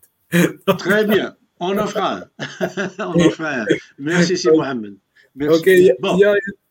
allez-y, allez-y. Allez-y, allez-y. Donc, euh, parce que j'allais revenir à la suite. Euh... Ok, allez-y, allez-y. Bon, J'y vais, bon, ok, très bien. Okay. Donc, la dernière fois, c'était arrivé, on était arrivé, on parlait des, euh, de toutes les objections qu'on fait à mes, mes raisonnements, de, que j'ai mis 15 ans, 20 ans à construire. Hein, vous savez, depuis la thermodynamique, euh, la biochimie, la biophysique, la biologie, tout ça, etc., incluant la physique, la métaphysique, la, la, physique théorique, qui est pratiquement de la métaphysique, etc. C'est pas rien, pas, ça se fait pas comme ça du jour au lendemain. Bon, alors euh, donc, euh, pourquoi je, je, je, je, m'astreins, en tout cas je m'oblige, et je vous oblige, excusez-moi, en tout cas ceux qui veulent bien, qui sont là, euh, à écouter ça, à écouter toutes ces objections qu'on a été chercher contre mes raisonnements, objections écrites ou oraux ou pendant des conférences ou des séminaires, etc. C'est juste pour montrer donc à quel point il, faut du travail pour comprendre ces choses-là. On ne peut pas comprendre tout ce que j'essaye de faire comprendre et d'expliquer en, un coup de, pot et trois coups de, cuillère à café. Il y a des, tas et des tas de choses à comprendre pour comprendre ce qu'il y a à comprendre. Et donc ceux qui ne veulent pas comprendre m'opposent des objections qui, pour la majorité des gens qui ne comprennent pas ou qui ne comprennent pas suffisamment ce que j'essaie de dire, deviennent finalement des objections valables. Donc, ce que dit Omar Aktouf, pas connecté, déconnecté, euh, rhétorique, blabla, je sais pas quoi, etc.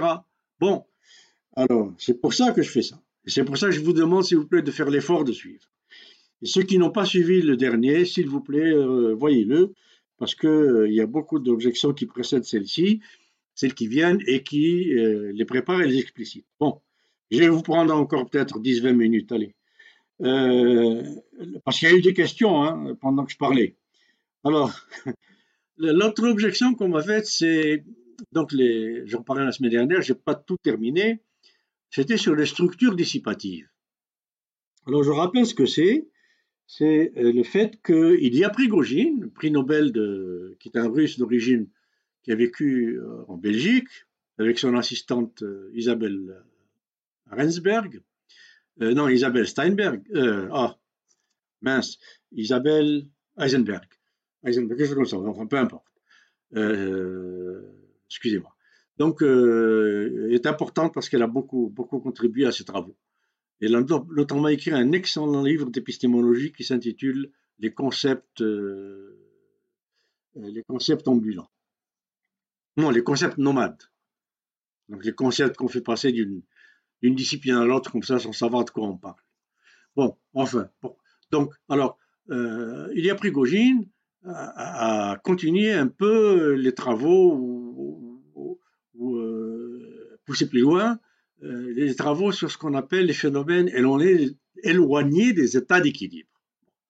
Alors, quand on éloigne les phénomènes, on, on augmente leur entropie, c'est-à-dire qu'on les éloigne de l'état d'équilibre dans lequel ils vont, rester stationnaires et puis peut-être pour l'éternité, dans un état d'ordre stationnaire constant, ordre stationnaire, hein, pas, euh, euh, excusez-moi, pas stationnaire, pas stationnaire, ordre euh, homéostatique.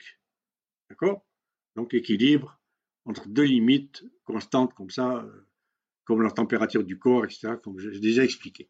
Alors donc, quand on éloigne les phénomènes, alors ces, structures dissipatives, c'est Ilya Prigogine qui a pris. Alors, beaucoup de gens m'ont dit que c'était difficile à comprendre. Donc, je, reprends. Je me suis, ça a été difficile pour moi de me faire comprendre. Donc, c'est pour ça que je reprends ça maintenant. Alors, euh, l'essentiel, c'est que un certain Ménard, donc biophysicien, physicien, je ne sais plus, a, a, travaillé sur un certain liquide qu'on appelait le liquide de Ménard, qui est un liquide qui a des spécificités particulières, je ne sais pas lesquelles dont celle d'être un liquide lourd, euh, huileux, enfin peu importe, je ne sais pas trop. Mais euh, ce liquide a cette particularité, c'est que plus on le chauffe, comme n'importe quel autre liquide, et plus il rentre en état de désordre. Parce que, bon, à 100 degrés, l'eau bout, etc., ça s'évapore, etc. Et puis, bon, l'entropie, euh, c'est fini, il n'y a plus d'eau. Votre casserole est vide. Donc, là, ce liquide de Ménard, il a remarqué qu'après une certaine température, les molécules, par exemple d'eau qu'on chauffe, qui semblent s'accélérer aller un peu dans tous les sens comme des mouvements browniens, qui font n'importe quoi, eh bien non. Dans ce liquide de Ménard, des, molécules se mettaient à se comporter comme si elles comprenaient, entre guillemets, ou tenaient compte de comportements d'autres molécules dans d'autres lieux où se trouve ce liquide qui est amené à une certaine température. Et donc, à partir de cette température, il a appelé ça les structures dissipatives. Je ne sais pas pourquoi, parce que ça dissipe le désordre, peut-être. Et donc, on a une espèce d'ordre nouveau qui naît et qui fait que les molécules, les unes les autres, se comportent comme si elles tenaient compte des autres molécules et puis elles se mettent à tourner, par exemple, dans le même sens, à la même vitesse, etc. etc. Bon. Et donc, on a tiré la conclusion suivante, c'est que à partir du degré, puis on en a aussi parlé en théorie du chaos, à partir d'un certain désordre, peut se créer un nouvel ordre, ou des nouveaux ordres, et donc qui vont faire progresser les systèmes dans un sens ou dans un autre. Alors certains ordres non viables vont s'éliminer, comme dans les mutations génétiques en biologie. D'autres qui sont plus aptes, plus adaptés, vont continuer. Et ceux qui continuent, donc, sont des nouveaux ordres, qui, etc. Et on a essayé d'appliquer ça au raisonnement sur le marché. Alors le marché obéit à la, depuis, on le sait depuis Lipset Lancaster notamment, s'il obéit à une loi ou à une théorie, c'est la loi du tout ou rien. C'est la loi de, les lois, pardon, les théories. On ne peut pas dire des lois, parce que s'il y a des lois du chaos, c'est plus, c'est plus du chaos. Donc, c'est la théorie des chaos. Donc, ça obéit à la théorie des chaos. C'est tout ou rien. Il y, a, soit tout marché, soit zéro marché. Bon, j'en ai déjà parlé, je pense. Alors, donc, si c'est euh, tout ou rien, eh bien, euh, si ça obéit aux lois du chaos, à un moment donné, ce, chaos d'ordre de la demande va créer des inégalités comme on le voit aujourd'hui, va créer des super inégalités, va créer le Covid, va créer blabla, et tout ça c'est du désordre, et le désordre en physique c'est l'augmentation de l'entropie, contrairement à l'ordre, etc., etc. Et un jour va sortir un nouvel ordre. Voilà. Et ce nouvel ordre, ou ces nouveaux ordres, ben, il y en aura un qui va nous faire faire. Oui, mais alors là, j'invoque le principe anthropique de euh, Stephen Hawking, New Brief History of Time, nouvelle brève histoire du temps, où il essaie encore une fois de parler de la grande réconciliation euh, de la théorie euh, supra- et infra-atomique en physique, et euh, où donc Stephen Hawking parle d'un principe qu'il appelle anthropique, mais A-N-T-H. A-N-T-H-R-O-P-I-Q-U-E. Non pas E-N-T-R-O comme en thermodynamique, qui est donc la dégradation d'énergie, mais en termes de présence de l'humain, anthropos. Donc le principe anthropique, A-N-T-H-T-H-R, c'est le principe qui veut que l'être humain soit là et que cet ordre soit un ordre qui ne détruit pas ce qui fait que l'être humain continue à survivre sur cette planète. voilà l'ordre, donc le, principe invoqué par Hawking et que j'invoque euh, à mon tour et qui dit ceci. Tout nouvel ordre. Hawking appelle ça des singularités. Bon, enfin, pas ceux qui connaissent vont comprendre ce que je veux dire. Euh, tout nouvel ordre qui va apparaître à partir des ordres extrêmes, etc., eh bien, encore faut-il qu'il admette l'être humain. Si je laisse faire ce désordre du marché qui fait ce qu'il veut, comme il veut, pour bien-être de tous, grâce aux hommes d'affaires, grâce à l'enrichissement des riches, euh, le trickle euh, down, qui est la, la, théorie du ruissellement, etc., etc. Mais euh, il, y a, le Covid, il y a ceci, il y a cela, mais il y a eu la peste, il y a eu la peste noire, il y a eu blabla, il y a eu ceci, il y a eu la civilisation de Rome, il y a eu là, Donc on va arriver à un autre ordre.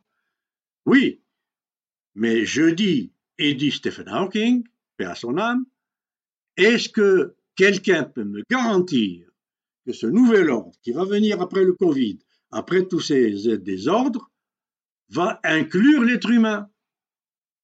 Si l'être humain n'y est plus, parce que le Covid l'aura éliminé par ses multiples variantes et mutations, eh bien, à quoi il me sert ce nouvel ordre? À quoi il sert? Bon, alors voilà. Donc, des espèces de rêves comme ça qu'on m'oppose, qu'on oppose comme objection à mes raisonnements, on oppose de la pensée magique. Voilà. Alors, donc, structure dissipative, c'est un peu ça. Et puis, alors, j'ai invoqué aussi un autre euh, élément, l'autre principe, c'est que la physique, la nature, l'univers ne connaissent pas les inégalités.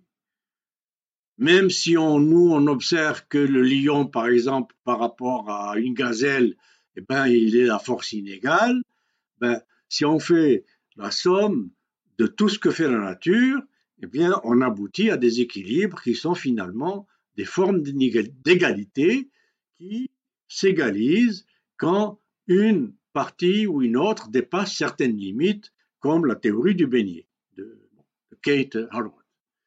voilà. Donc, euh, ce principe, c'est il n'existe pas de molécules dans le liquide de Ménard multimilliardaires, patrons, et d'autres molécules qui, qui, dorment dans la rue. Il n'existe pas de, de groupe de molécules qui ont la bombe atomique et d'autres groupes de molécules qui n'ont rien. Il n'existe pas de, de, de groupes de, par exemple, de, molécules euh, qui possèdent tous les pouvoirs économiques, toutes les banques, le pouvoir politique, etc., etc., et des multitudes qui, qui, qui, qui ne possèdent que, que, que le demi-kilo de riz qu'ils vont manger par jour toutes ces molécules sont strictement à égalité. Et alors, ces nouveaux ordres qui sortent sont des ordres, qui ne favorisent personne au départ. Alors voilà donc un peu pour cette... L'autre, c'est le principe d'auto-organisation par le bruit. Ça, ça vient d'Henri Atlan. On m'a opposé ce, dans, à tort et à raison, je pense, ou dans le cristal et la fumée, entre le cristal et la fumée, euh, Henri Atlan dit, c'est un peu comme l'équipe de Ménard. Hein. Euh, tout système qui, je pense j'en ai déjà parlé, mais comme on m'a reposé, reposé des questions là-dessus, j'y reviens, euh, ça n'a pas tout à fait été bien expliqué, je pense, de ma part, c'est que nouvel ordre par le bruit, ça implique qu'un système admet le bruit. Qu'est-ce que c'est le bruit en cybernétique? Ou dans le langage de Henri Atlan, ou de la, physique de l'information, c'est euh, des phénomènes fortuits, aléatoires, inattendus, imprévus, qui se produisent dans un système, qui viennent modifier l'information qui circule dans le système et qui enrichit cette information, qui fait en sorte que ce système qui fabrique de l'information a plus de chances de s'adapter à tout changement de l'environnement que tout système qui ne permet pas le bruit, donc qui ne permet pas d'intervention fortuite, inattendue, imprévue de quelque chose qui vient modifier ce qui se passe dans le système. Alors, je vais prendre un exemple que je tire de euh, Peter et Waterman et qui vient donc de la théorie de la gestion, théorie des organisations. Alors, Peter et Waterman dans In Search of Excellence, le prix de l'excellence, le fameux. Alors, comme Michael Porter, il mélange tout. Il mélange Toyota avec General Motors, avec Citroën, avec Peugeot, avec Hyundai, avec euh, Honda, alors que ces entreprises-là vivent dans des planètes complètement différentes. La planète Chicago ou Détroit dans laquelle vit General Motors n'a strictement rien à voir avec la planète Kyoto vit euh, Honda ou Hyundai ou Daimler-Benz euh, en Allemagne. Bon. Donc il faut comme si tout était égal à tout. Bon, mélange. Et donc ils disent voilà. La culture japonais, c'est pour ça qu'ils ont, cru que le fait que les Japonais étaient supérieurs, devenaient supérieurs en termes économiques et gestionnaires, c'était tout simplement, simplement parce qu'ils avaient une culture d'entreprise qu'ils inculquaient à leurs employés des choses que les patrons américains ne savent pas inculquer. C'est-à-dire cette obéissance, euh, ce fait que l'ouvrier japonais fait des courbettes devant son patron, alors pourquoi l'ouvrier américain ne fait pas des courbettes devant son patron et fait tout ce que dit le patron de A à Z, y compris jusqu'à minuit, deux heures du matin, prend pas de congé, ceci, cela, blabla, c'est une culture. Bon, donc ils ont été chercher quelque chose qui est une façon de vivre des Japonais.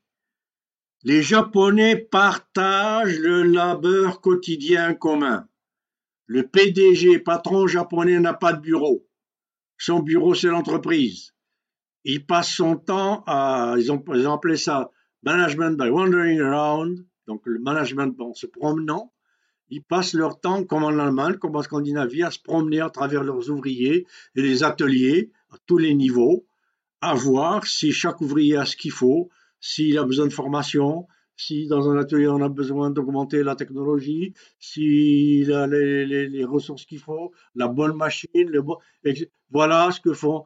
Et puis, ils ne donnent pas d'ordre, ils écoutent ce que disent les ouvriers et les employés, ils y réfléchissent, ils vont chercher les intellectuels, les ingénieurs, etc., etc., pour répondre aux objections et aux demandes des ouvriers, des employés qui, eux, sont en face de ce qui se fait dans l'entreprise, ce qui se fait réellement, et qui sont, comme je l'ai dit, déjà à l'âge de 16 ans, éduqués de telle façon, l'école fondamentale japonaise, allemande, tout ça, ils ont copié sur le gymnasium allemand, à l'âge de 16 ans, le gamin, l'adolescent allemand, japonais, coréen, scandinave, connaît l'essentiel de tout le théâtre, la musique, la philosophie, la mathématique, le cinéma, la littérature, la philosophie, le, tout, tout. Et strictement en termes de culture générale. Et il apprend la comptabilité, la mécanique, l'électricité à l'entreprise qui est obligée par l'État allemand, par la constitution allemande, par la loi de la cogestion, par la constitution et les lois et la tradition japonaise et coréenne à former chez elles la main-d'œuvre dont elles ont besoin. C'est pas l'État qui forme gratuitement des comptables qui vont aller faire gagner de l'argent à une banque, c'est Deutsche Bank qui forme ses comptables à partir de citoyens hyper cultivés à partir de l'âge de 16 ans que lui donne le système d'éducation gratuit, laïque, et où on paye pour les gens pour aller étudier gratuitement que lui fournit le système allemand ou le système japonais.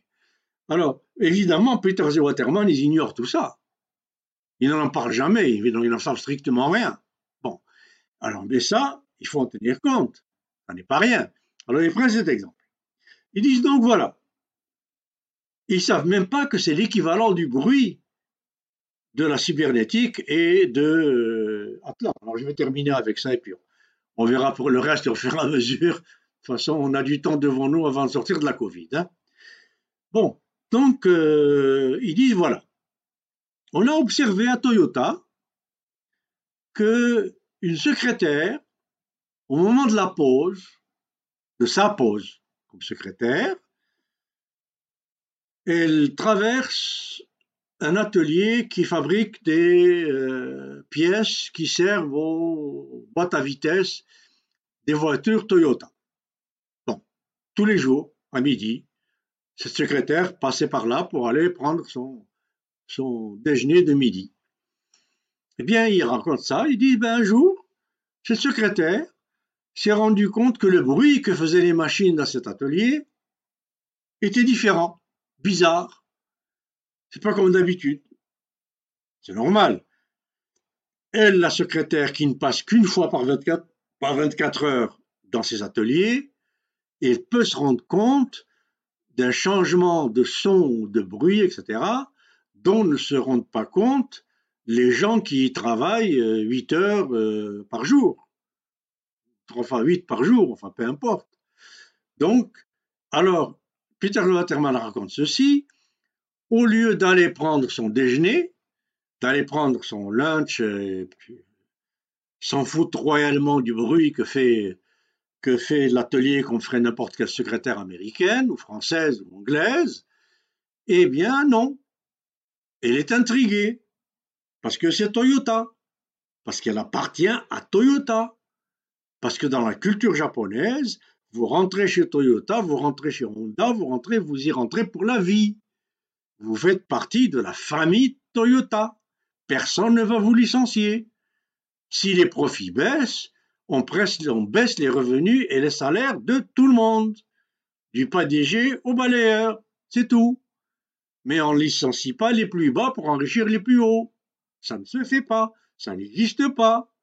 Et donc cette secrétaire sait parfaitement que si des boîtes à vitesse se vendent mal, eh bien si elles se vendent mal, ça finira par se répercuter sur son salaire, ou, etc. Donc, elle a intérêt à, contribuer. Alors, il raconte, au lieu d'aller à son déjeuner, elle va à la recherche du chef d'atelier de euh, boîte à vitesse. Où est-ce qu'il déjeune, où est-ce qu'il est? Elle finit par le trouver et lui dit, voilà, le, bruit de vos machines n'est pas normal, pas comme d'habitude, il y a quelque chose qui ne va pas. Alors, ce chef d'atelier ingénieur, super ingénieur de je ne sais quelle université euh, japonaise, au lieu de faire comme un ingénieur français ou américain, dire à la secrétaire euh, ah, allez voir ailleurs si j'y suis, vous connaissez rien à la mécanique, etc. Allez, allez, taper sur votre machine et taisez-vous. Eh bien, il l'écoute. Et il va avec elle à l'atelier. Et il lui demande quelle machine, où, quel coin, c'est plus aigu, c'est plus grave, c'est plus ceci, plus cela. Il fait venir ses adjoints, il fait venir les ouvriers. Et avec cette secrétaire, ils font tout le tour et ils notent tout ce qu'elle dit absolument où il y a le moindre changement de son de ce que font ces machines. Eh bien, il est avéré, raconte Peter Waterman, qu'elle avait raison et que ces ingénieurs, ces techniciens se sont rendus compte qu'il y avait quelque chose qui n'allait pas dans certaines machines qui faisait que certaines pièces de boîte à vitesse allaient sortir mal faites, qu'on n'allait pas s'en rendre compte, et qu'elles allaient finir dans des boîtes à vitesse, qui allaient finir dans des voitures Honda, et qui allaient finir dans des voitures Honda, qui allaient finir entre les mains de, de propriétaires américains, dont la boîte à vitesse va se casser. Et l'américain ne va plus acheter la Honda. Donc, ils ont tout arrêté refait toute la machinerie, tout, etc. Et cette secrétaire a été récompensée, a été nommée héros du mois de Toyota ou de l'atelier ou je ne sais quoi, applaudi, discours, machin, et on lui paye des vacances à Hawaï ou à Honolulu ou je ne sais plus, je ne sais quoi, pour contribution exceptionnelle bien-être Toyota. Hein. et ils disent, bon, ben voilà, c'est ça qu'il faut qu'on enseigne dans nos écoles de gestion. Aux États-Unis, comment faire pour que la secrétaire ne soit pas indifférente au bruit que font des machines et qu'elle aussi aille avertir le chef d'atelier de ma mécanique, tout ça, et puis que tout ça devienne une culture. Mais c'est quoi cette pensée magique-là? Quel rapport y a-t-il entre ce que ressent une secrétaire ou un ouvrier japonais par rapport à son patron qui considère comme son père? Le, le patron d'une entreprise japonaise est considéré comme le père de famille. Il doit se comporter en père de famille. Et tous les employés de son entreprise sont ses enfants. Et avant de se nourrir lui, il nourrit ses enfants. Voilà comment c'est conçu. Alors, est-ce que c'est conçu de la même façon chez la secrétaire américaine par rapport à son patron? Est-ce qu'il y a une secrétaire américaine qui va avoir accès au bureau ou à la salle à manger ou au restaurant privé où mangent les cadres supérieurs de General Motors pour adresser la parole à un monsieur ingénieur en chef, chef d'atelier, blablabla bla, bla, Où Jamais? C'est impossible. Donc, quelle leçon tirer de ça? C'est que l'entreprise japonaise admet le bruit. Cette secrétaire qui a le droit et qui peut et qui a cette envie d'aller faire ce qu'elle a fait, au lieu d'aller déjeuner, aller déranger le chef d'atelier pendant son déjeuner, etc., ça s'appelle du bruit. C'est un phénomène en cybernétique, donc un phénomène aléatoire, non prévu par le système, qui vient perturber le système, qui ajoute une information dans le système et qui fait que le système s'adapte mieux que le système General Motors américain, où vous aviez à l'époque 18 échelons hiérarchiques, pendant qu'à Toyota, il y en avait 4. Bon, alors qu'on dit, s'il vous plaît, dans nos entreprises, en Algérie par exemple, combien il y a d'échelons hiérarchiques dans la dernière des entreprises privées Là où il y en a deux ou trois ou quatre, moi, je pense qu'on doit les compter sur les doigts d'une main. Alors, 18 échelons hiérarchiques par rapport à 4, ben, ça fait qu'une secrétaire est infiniment plus proche d'un ingénieur qu'un General Motors, où il faut un télescope à cet ingénieur pour se rendre compte, avec 18 étages hiérarchiques, qu'il y a quelqu'un euh, en bas. Bon, ça ne se compare pas, ça n'a aucun sens. Alors donc, pour conclure à cette objection, c'est que, eh bien, ce que je dis va dans le sens aussi, après tout ce que j'ai dit d'autre avant, de faire en sorte que ce que nous enseigne la cybernétique, qui fait que les systèmes s'adaptent et s'adaptent aux conséquences des théories des chaos, s'adaptent aux conséquences du désordre, s'adaptent au changement de l'environnement, s'adaptent, etc., eh bien, c'est parce que ce sont des systèmes qui permettent le bruit cette secrétaire est un bruit imprévu.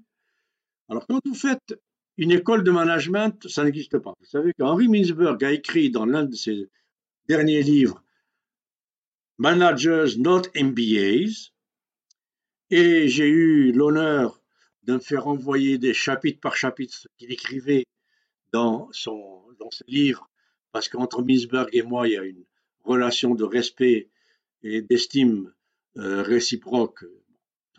mais même si je l'ai critiqué, il m'a même écrit une lettre de remerciement pour l'avoir critiqué positivement et qu'il allait se corriger. Donc c'est vraiment un gentleman. Et il n'est pas loin de ce que je pense moi-même. Bon, mais enfin bon, il y a d'autres choses qui nous séparent, on sait ce que c'est, c'est une autre histoire. Donc, euh, Minsberg me demandait de, de, de, Il disait voilà, nous sommes sur la même longueur d'onde. Parce qu'à l'époque, je lui avais écrit pour lui dire écoute, regarde ce qu'a écrit euh, Joseph Stiglitz, la, la, la, la, Roaring Nineties, la grande désillusion, euh, après 2001, mais, mais c'est la catastrophe, les États-Unis, ce qui se passe, etc. ce qu'écrit Stiglitz, ça, fout en l'air tout ce qu'on enseigne, tout ce qu'on veut, et, puis euh, il faut qu'on fasse quelque chose. Alors je lui avais proposé d'écrire une lettre commune, une lettre ouverte commune, disant à partir de Stiglitz, ben voilà, faut faire un reset de l'économie et de la gestion qu'on enseigne. Et il m'a répondu qu'il avait lui-même ses façons euh, de lutter contre le système, que j'avais raison, qu'il fallait à tout prix euh, se mettre debout et puis arrêter ce massacre, mais que, bon, il avait des, des, voix différentes que les miennes, etc. Bon. Alors donc, euh, voilà un peu, Minsberg lui-même disait, donc ce que je voulais vous dire, dans ce livre, alors il y a beaucoup de gens qui disent, pourquoi je dis ça?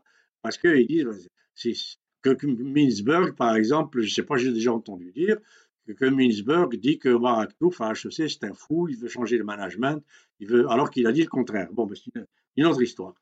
Donc, euh, ce que je veux dire là, c'est que euh, Minsberg lui-même l'a écrit, l'avantage, parce qu'il dit ils ont un avantage énorme de l'Allemagne, de la Scandinavie, du Japon, tout ça. Aujourd'hui, il aurait sûrement rajouté la Chine, la Corée, tout ça, la Malaisie, c'est qu'ils n'ont pas d'école de gestion à l'américaine. Et c'est Henry Mintzberg qui l'écrit. Ils ne veulent pas de leaders à l'américaine. Ils n'essayent pas de former des leaders à l'américaine. C'est pour c'est pour ça qu'il a écrit Managers, not MBAs. Not leaders MBAs. Bon, alors, donc, il y a toute une distance qui fait que la façon dont on enseigne la gestion basée sur le modèle américain, c'est une façon hyper hiérarchisée, hyper centralisée, où il y a stratégie, planification, planification tactique, planification opérationnelle, planification quotidienne, planification. Et dès que vous avez ce système qui va depuis stratégie, c'est-à-dire ce que veulent les gens de la haute direction, c'est ce qu'on appelle le sommet du, triangle de Harvard, jusqu'à ce que doit faire dans sa fiche de poste, et c'est réécrit chaque jour par son contremaître, l'ouvrier de base, eh bien, comment voulez-vous introduire du bruit là-dedans? Vous ne pouvez contrôler ce que fait l'ouvrier qu'à partir de ce que vous avez planifié il y a six mois, il y a un an. Parce que dans le plan stratégique que, vous avez fait pour quel type de voiture, quel type de machin, vous allez faire six mois, un an, deux ans. La Mustang a mis neuf ans avant de sortir. Neuf ans entre le moment de la planification de la Mustang et sa sortie sur le terrain. Pendant neuf ans, il n'y a pas un bruit qui s'est introduit dans la façon de faire la voiture Ford. Et ça vous étonne que les voitures japonaises les aient battues? Et qu'aujourd'hui, les, voitures chinoises sont en train de les battre? La voiture malaisienne, la Prion, etc. Bon, donc vous pouvez contrôler que ce que vous avez déjà planifié, qui est contenu dans le plan, et vous ne pouvez planifier aujourd'hui que ce que vous pouvez contrôler dans un an. Sinon, vous ne pouvez pas le planifier. Alors, il n'y a aucune place pour qu'une secrétaire puisse faire ce bruit qui vienne perturber le système, introduire une nouvelle information qui transforme l'information du système et qui fait adapter le système. Alors voilà, encore une objection à l'un des éléments de mes démonstrations. Et là, je me mets un petit signe pour la prochaine fois. On continuera pour les autres. Et comme je vous l'ai dit, Hélas, malheureusement, je suis l'un de ceux qui pensent qu'on a encore du temps avant de penser au post-Covid-19 parce que c'est pas demain qui va nous lâcher. oui, Inch'Allah, Rabbi yarfa anna wa ankum hadha ad-dawl wa Inch'Allah. Euh, merci, euh, cher euh, professeur Aktouf, pour. merci, merci. Excusez-moi de prendre du temps, mais j'ai pas le choix.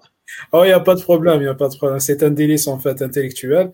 Euh, il y, a, y, a, y a pas mal de commentaires. On va essayer de euh, de prendre quelques-unes. On va, on va pas, pas beaucoup et on, va faire la même chose.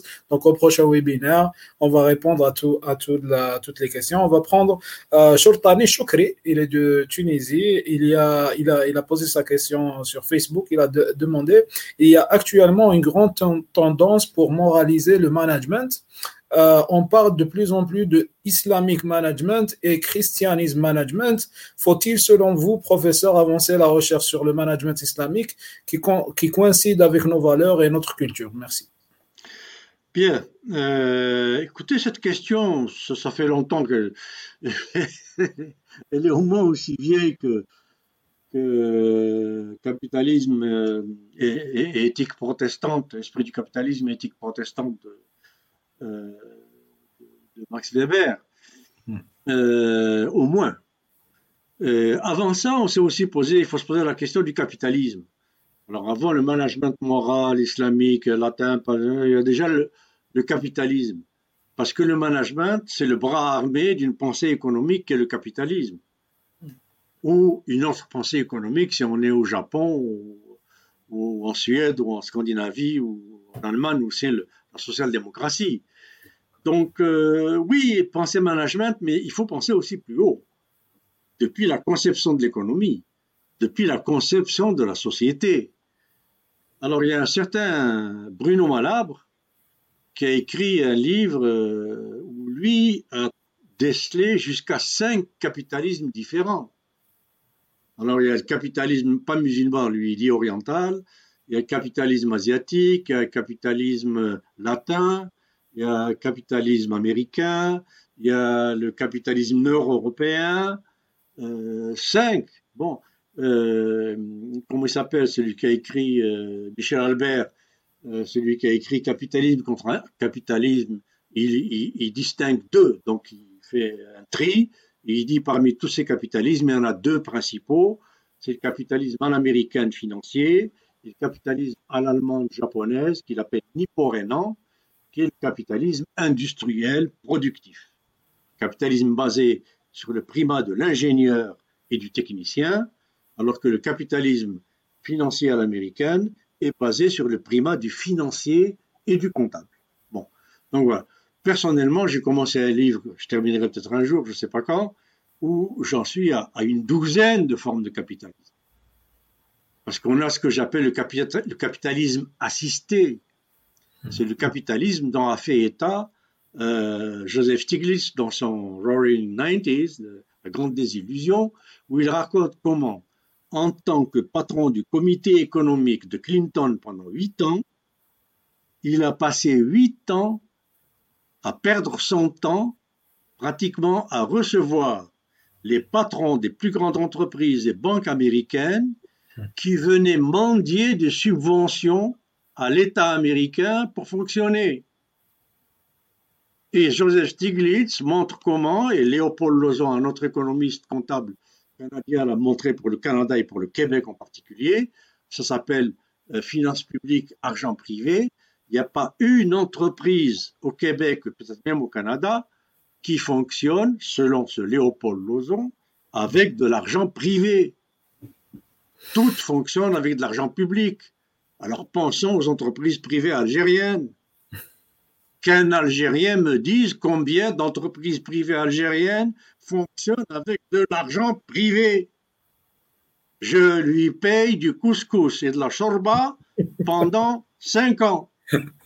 Bon, alors moi j'appelle ça le capitalisme assisté. C'est du capitalisme assisté. Alors bien entendu, je ne parle pas des, des épiceries habitent. Je ne parle pas des petites entreprises de ce type-là, etc. Ça existe, bien sûr, mmh. évidemment. Mais ça, c'est l'informel qu'on va aborder plus tard. Mais donc, Stiglitz déjà dit pour l'économie américaine, il n'y a pratiquement pas d'entreprise privée. Elles fonctionnent toutes avec l'argent public. Comme l'a établi aussi un certain James O'Connor en 1973, la crise fiscale de l'État. Euh, le micro, s'il vous plaît. Oui, alors la crise fiscale de l'État, pardon, le micro, oui, est-ce que ça va mieux maintenant? Ça va, ça va très très bien. Bon, alors, euh, la crise fiscale de l'État, oui, euh, montre comment. Euh, il est là. Voilà. Alors, la crise fiscale de l'État, oui, montre en 73 comment la majorité de l'argent américain est privatisé, est transformé en profit, en gain privé et en propriété privée en économie. Et donc, c'est un capitalisme déjà assisté depuis. Donc ça, c'est un des capitalismes dont je parle. Il y a aussi le capitalisme mafieux. Hmm. Bon, alors on est bien placé, nous, en Algérie, pour en parler. Hein. surtout, le dernier système et tout. allez-y, allez-y. Allez, il y a le capitalisme corrompu, hmm. il y a le capitalisme corrupteur, il y a etc., etc. Bon, 12 capitalismes différents. Alors là, parler euh, de morale, sur le d'abord moraliser la pensée économique globale. Bon, si on veut parler d'islam, moi je veux bien parler d'islam. J'ai même préfacé un livre d'un Amérique qui s'appelle euh, Nash Messillard, qui a écrit euh, Milieu des affaires et les valeurs islamiques, quelque chose comme ça, où il, il, prétend remplacer le conseil d'administration par un conseil de charia qui serait plus un conseil éthique. Moi, je suis pour qu'on appelle conseil de charia ou conseil. Si c'est éthique, je suis pour. Et c'est ce que disait, par exemple, un certain Schumpeter, ce que disaient bien des gens, Marx, par exemple, ce que disait Weber, euh, du rôle du conseil d'administration. Le conseil d'administration, c'est la conscience de l'entreprise. Alors moi, qu'elle soit islamique, qu'elle soit bouddhiste, qu'elle soit martienne, qu'elle soit jupitérienne, je m'en fous. Du moment qu'elle est éthique. Alors s'il y a plus d'éthique du côté de la façon dont la, morale musulmane pense le capital et le capitalisme, ben je suis pour, pas de problème. Mais à voir ce qu'en font les pays qui se disent musulmans en économie, ben je suis désolé, mais on est vraiment très, très, très, très, très, très loin du compte. Hein. Mm. Y compris là où il y a des banques islamiques qui sont pour la plupart des il faut le dire, des escroqueries à Londres, à Toronto, je l'ai vu de mes yeux, etc. J'ai été invité à faire des conférences dans ces milieux-là, et j'ai vu des milieux qui sont des véritables milieux d'escroquerie, qui font tout simplement juste éviter aux banques qui se disent en islamiques euh, de payer ce que les autres banques payent comme intérêt, etc., à utiliser l'argent des, des, particuliers. Ça, c'est plus de l'escroquerie qu'autre chose. Bon, alors il faut faire attention à ça. Il y, a, même euh, un commentaire qui est presque pareil à, cette question de Abdallah Brahimi. Il demande comment peut-on réconcilier le management et la philosophie ancienne, comme vous l'évoquez dans votre livre Altogashi. Ah ben voilà, ben, Altogashi, j'évoque Aristote, hmm. essentiellement. Et Aristote, c'est le père de l'idée de riba, haram. Hmm. Hmm. C'est Aristote qui est le père du 4e siècle avant Jésus-Christ. La crématisme. L'islam, c'est le septième après, oui, exactement. Et le christianisme, c'est cinq siècles après, donc, ou quatre siècles. Donc, euh, le, le, tokos, comme il l'appelait, l'usure, euh, hmm. l'argent qui fait de l'argent, etc., eh bien, c'est euh, donc l'esprit même du capitalisme, qui est d'utiliser l'argent pour faire de l'argent, ce que Marx a appelé dans euh, la théorie de la valeur, la circulation, argent, marchandise, argent, argent. Alors que la bonne économie, c'est beaucoup plus la circulation marchandise, argent, marchandise. Ensuite, argent, marchandise. Donc, il y a une espèce de, circuit virtuel hmm. entre la circulation de l'argent et la circulation des utilités dans l'économie réelle. Alors ça, ça remonte déjà à Aristote. Bien entendu, je suis pour. Alors j'en parle dans la stratégie de l'autruche, j'en parle dans Altogashi. Maintenant, comment y arriver? Ben, Il faut y arriver d'abord en supprimant les bourses. Regardez le mal que la bourse est en train de faire en ce moment. En plein Covid, les bourses sont en train de spéculer sur des produits dérivés, des produits toxiques, les vaccins, sur les vaccins, spéculer sur la, la, valeur de, des produits alimentaires, etc. La bourse, l'existence même de la bourse, c'est la moralité du capital. Amoral, avec A. Hmm. Alors, commencer par moraliser le capital, c'est d'abord supprimer, mais la bourse financière, hmm. pas la bourse allemande pas la bourse japonaise. Dans la bourse allemande, dans la bourse japonaise, il n'y a pas de spéculation à découvert. Il n'y a pas de spéculation de vente et d'achat sur des choses que je ne possède pas. Hmm. Il n'y a pas de distribution de total de dividendes aux actionnaires qui dépasse la valeur réelle de l'entreprise. Donc on ne peut pas spéculer sur l'action de l'entreprise, puisque le total des dividendes, c'est-à-dire des actions et toute la valeur de qui circule, c'est interdit par la loi, ne doit pas dépasser la valeur réelle de l'entreprise. Là oui, là oui, il y a déjà. C'est pour ça que l'Allemagne, etc., la Scandinavie, l'Islande sont les pays qui se sont le mieux sortis de la crise de 2008. C'est pas pour rien.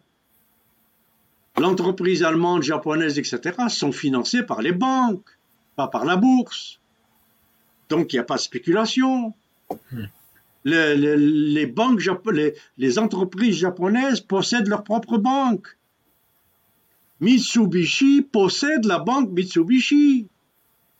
Et c'est le patron de Mitsubishi Incorporated, c'est la Corporation, le patron de Mitsubishi Motors, qui dit à la banque Mitsubishi, cette année, tu vas faire zéro profit, zéro intérêt, parce que moi, je n'ai pas vendu assez de voitures.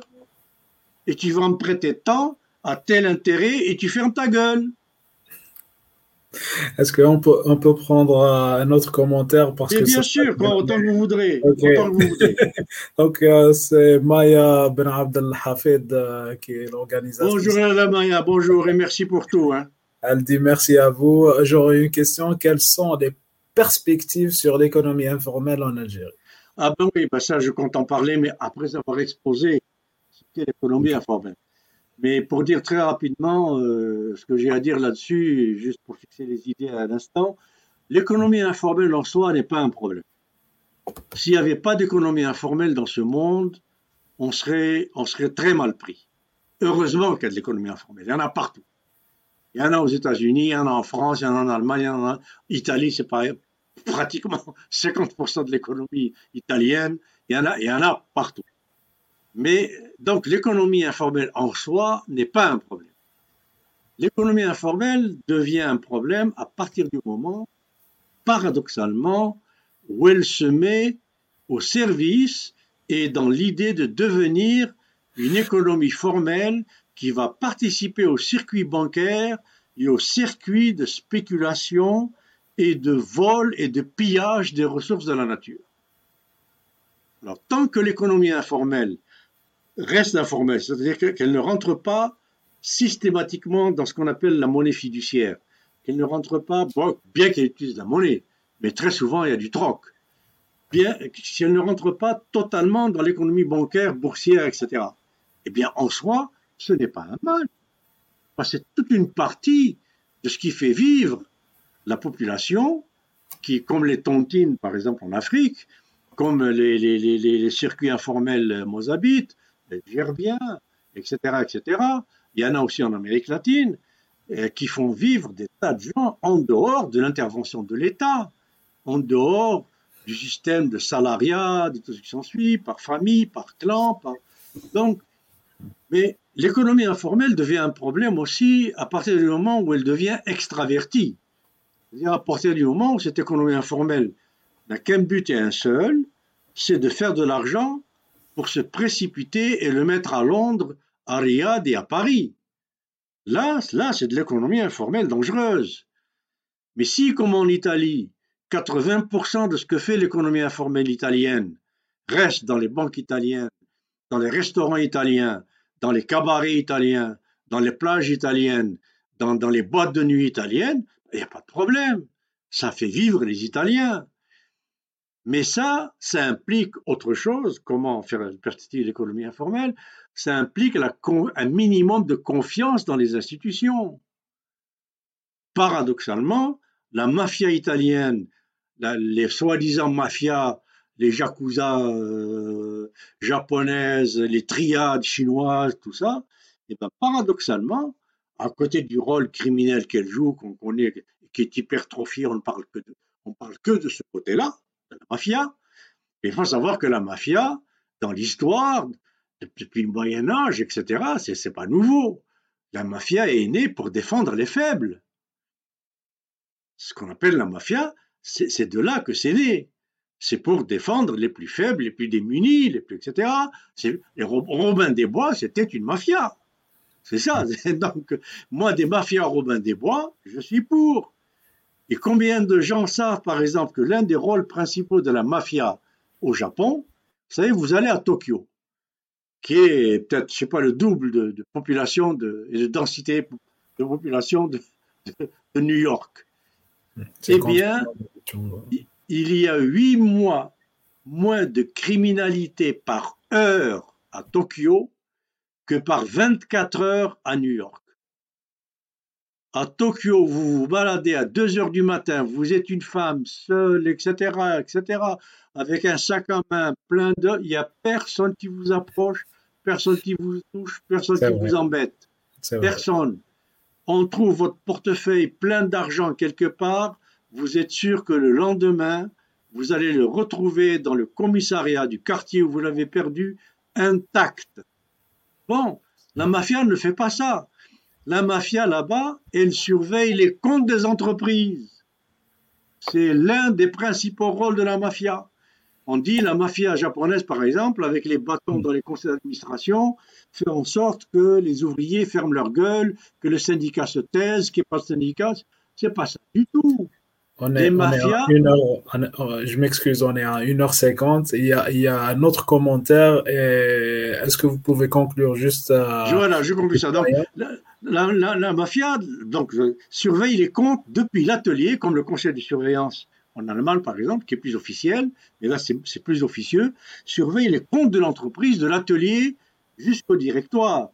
Donc les patrons ne peuvent pas tricher et dire aux syndicats on a fait des pertes alors qu'ils ont fait des gains les licenciés ne peuvent pas tricher sur euh, ceci et cela, sur les... rien. Donc moi, une mafia qui surveille les patrons algériens pour hmm. qu'ils arrêtent de tricher, moi je les invite en Algérie pour créer des écoles de mafieux algériens. Ah, Donc euh, on va terminer avec euh, Shérif la CAF. Euh, il dit bonjour messieurs, ma question est est-ce que l'Algérie intéresse le capitalisme mondial? Reste-t-il encore des ressources à prendre ou s'agit-il simplement d'éviter les boat peoples? Ben, Bien sûr que l'Algérie intéresse, mais bien sûr, mais les, ressources algériennes sont infinies.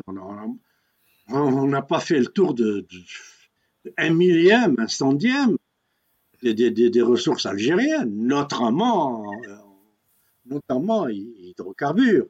Euh, les, recherches qui se font, et puis avec les progrès des, technologies de recherche, tout ce qui s'ensuit, on peut aller chercher du pétrole, là, il y a encore dix ans, ou, du gaz, on pensait que ça n'existait même pas, etc. Alors, je ne parle pas de l'or, du diamant, de l'uranium, etc., des, des, métaux précieux, des, Écoutez, il ne faut pas oublier que l'Algérie, c'est le plus grand pays d'Afrique. On est loin, loin, loin, loin. Mais, mais bien sûr, mais bien sûr. C'est pas pour rien que, que euh, Macron est venu en Algérie dire que euh, le colonialisme a été un crime contre l'humanité. C'est hmm. pour que les Algériens en France votent pour lui. C'est pas pour rien.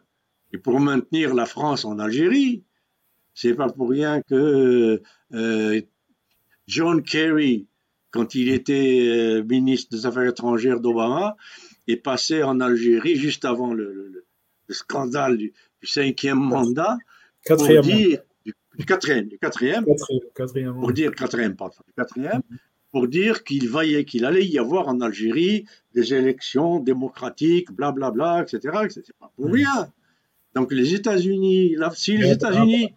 Après lui, je crois, euh, je crois c'était euh, François Hollande. Ben oui, bien sûr. Mais si les États-Unis et la France, entre autres, hein, je ne parle pas des autres pays, alors on a la Chine, on a la Russie aujourd'hui, on a. Hein, si, ben, si, si la, France et, les États-Unis se relaient comme ça pour euh, dire on est là, ben, c'est que l'Algérie intéresse encore. Mais moi, ce que j'espère, c'est ce des, des éléments de l'économie post-Covid, c'est de revenir à la division internationale du travail comparative. Mmh. Comparative. C'est-à-dire arrêter les dégradations du terme de l'échange qui font que chaque jour, une Jeep construite à Chicago, chaque jour vaut plus de café du Cameroun. Il faut arrêter ça.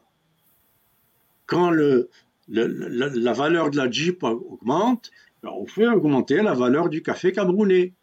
Hmm. Mais on ne le fait pas baisser. Pourquoi on le fait pas baisser? On le fait baisser parce que c'est une multinationale américaine qui corrompt le gouvernement camerounais et qui a la main mise sur le café du Cameroun. C'est revenir à l'esprit des non-alignés. Alors l'esprit des non-alignés, c'est d'abord échanger entre nous l'essentiel, pour tout ce qui est besoin essentiel, sans passer par aucune monnaie internationale.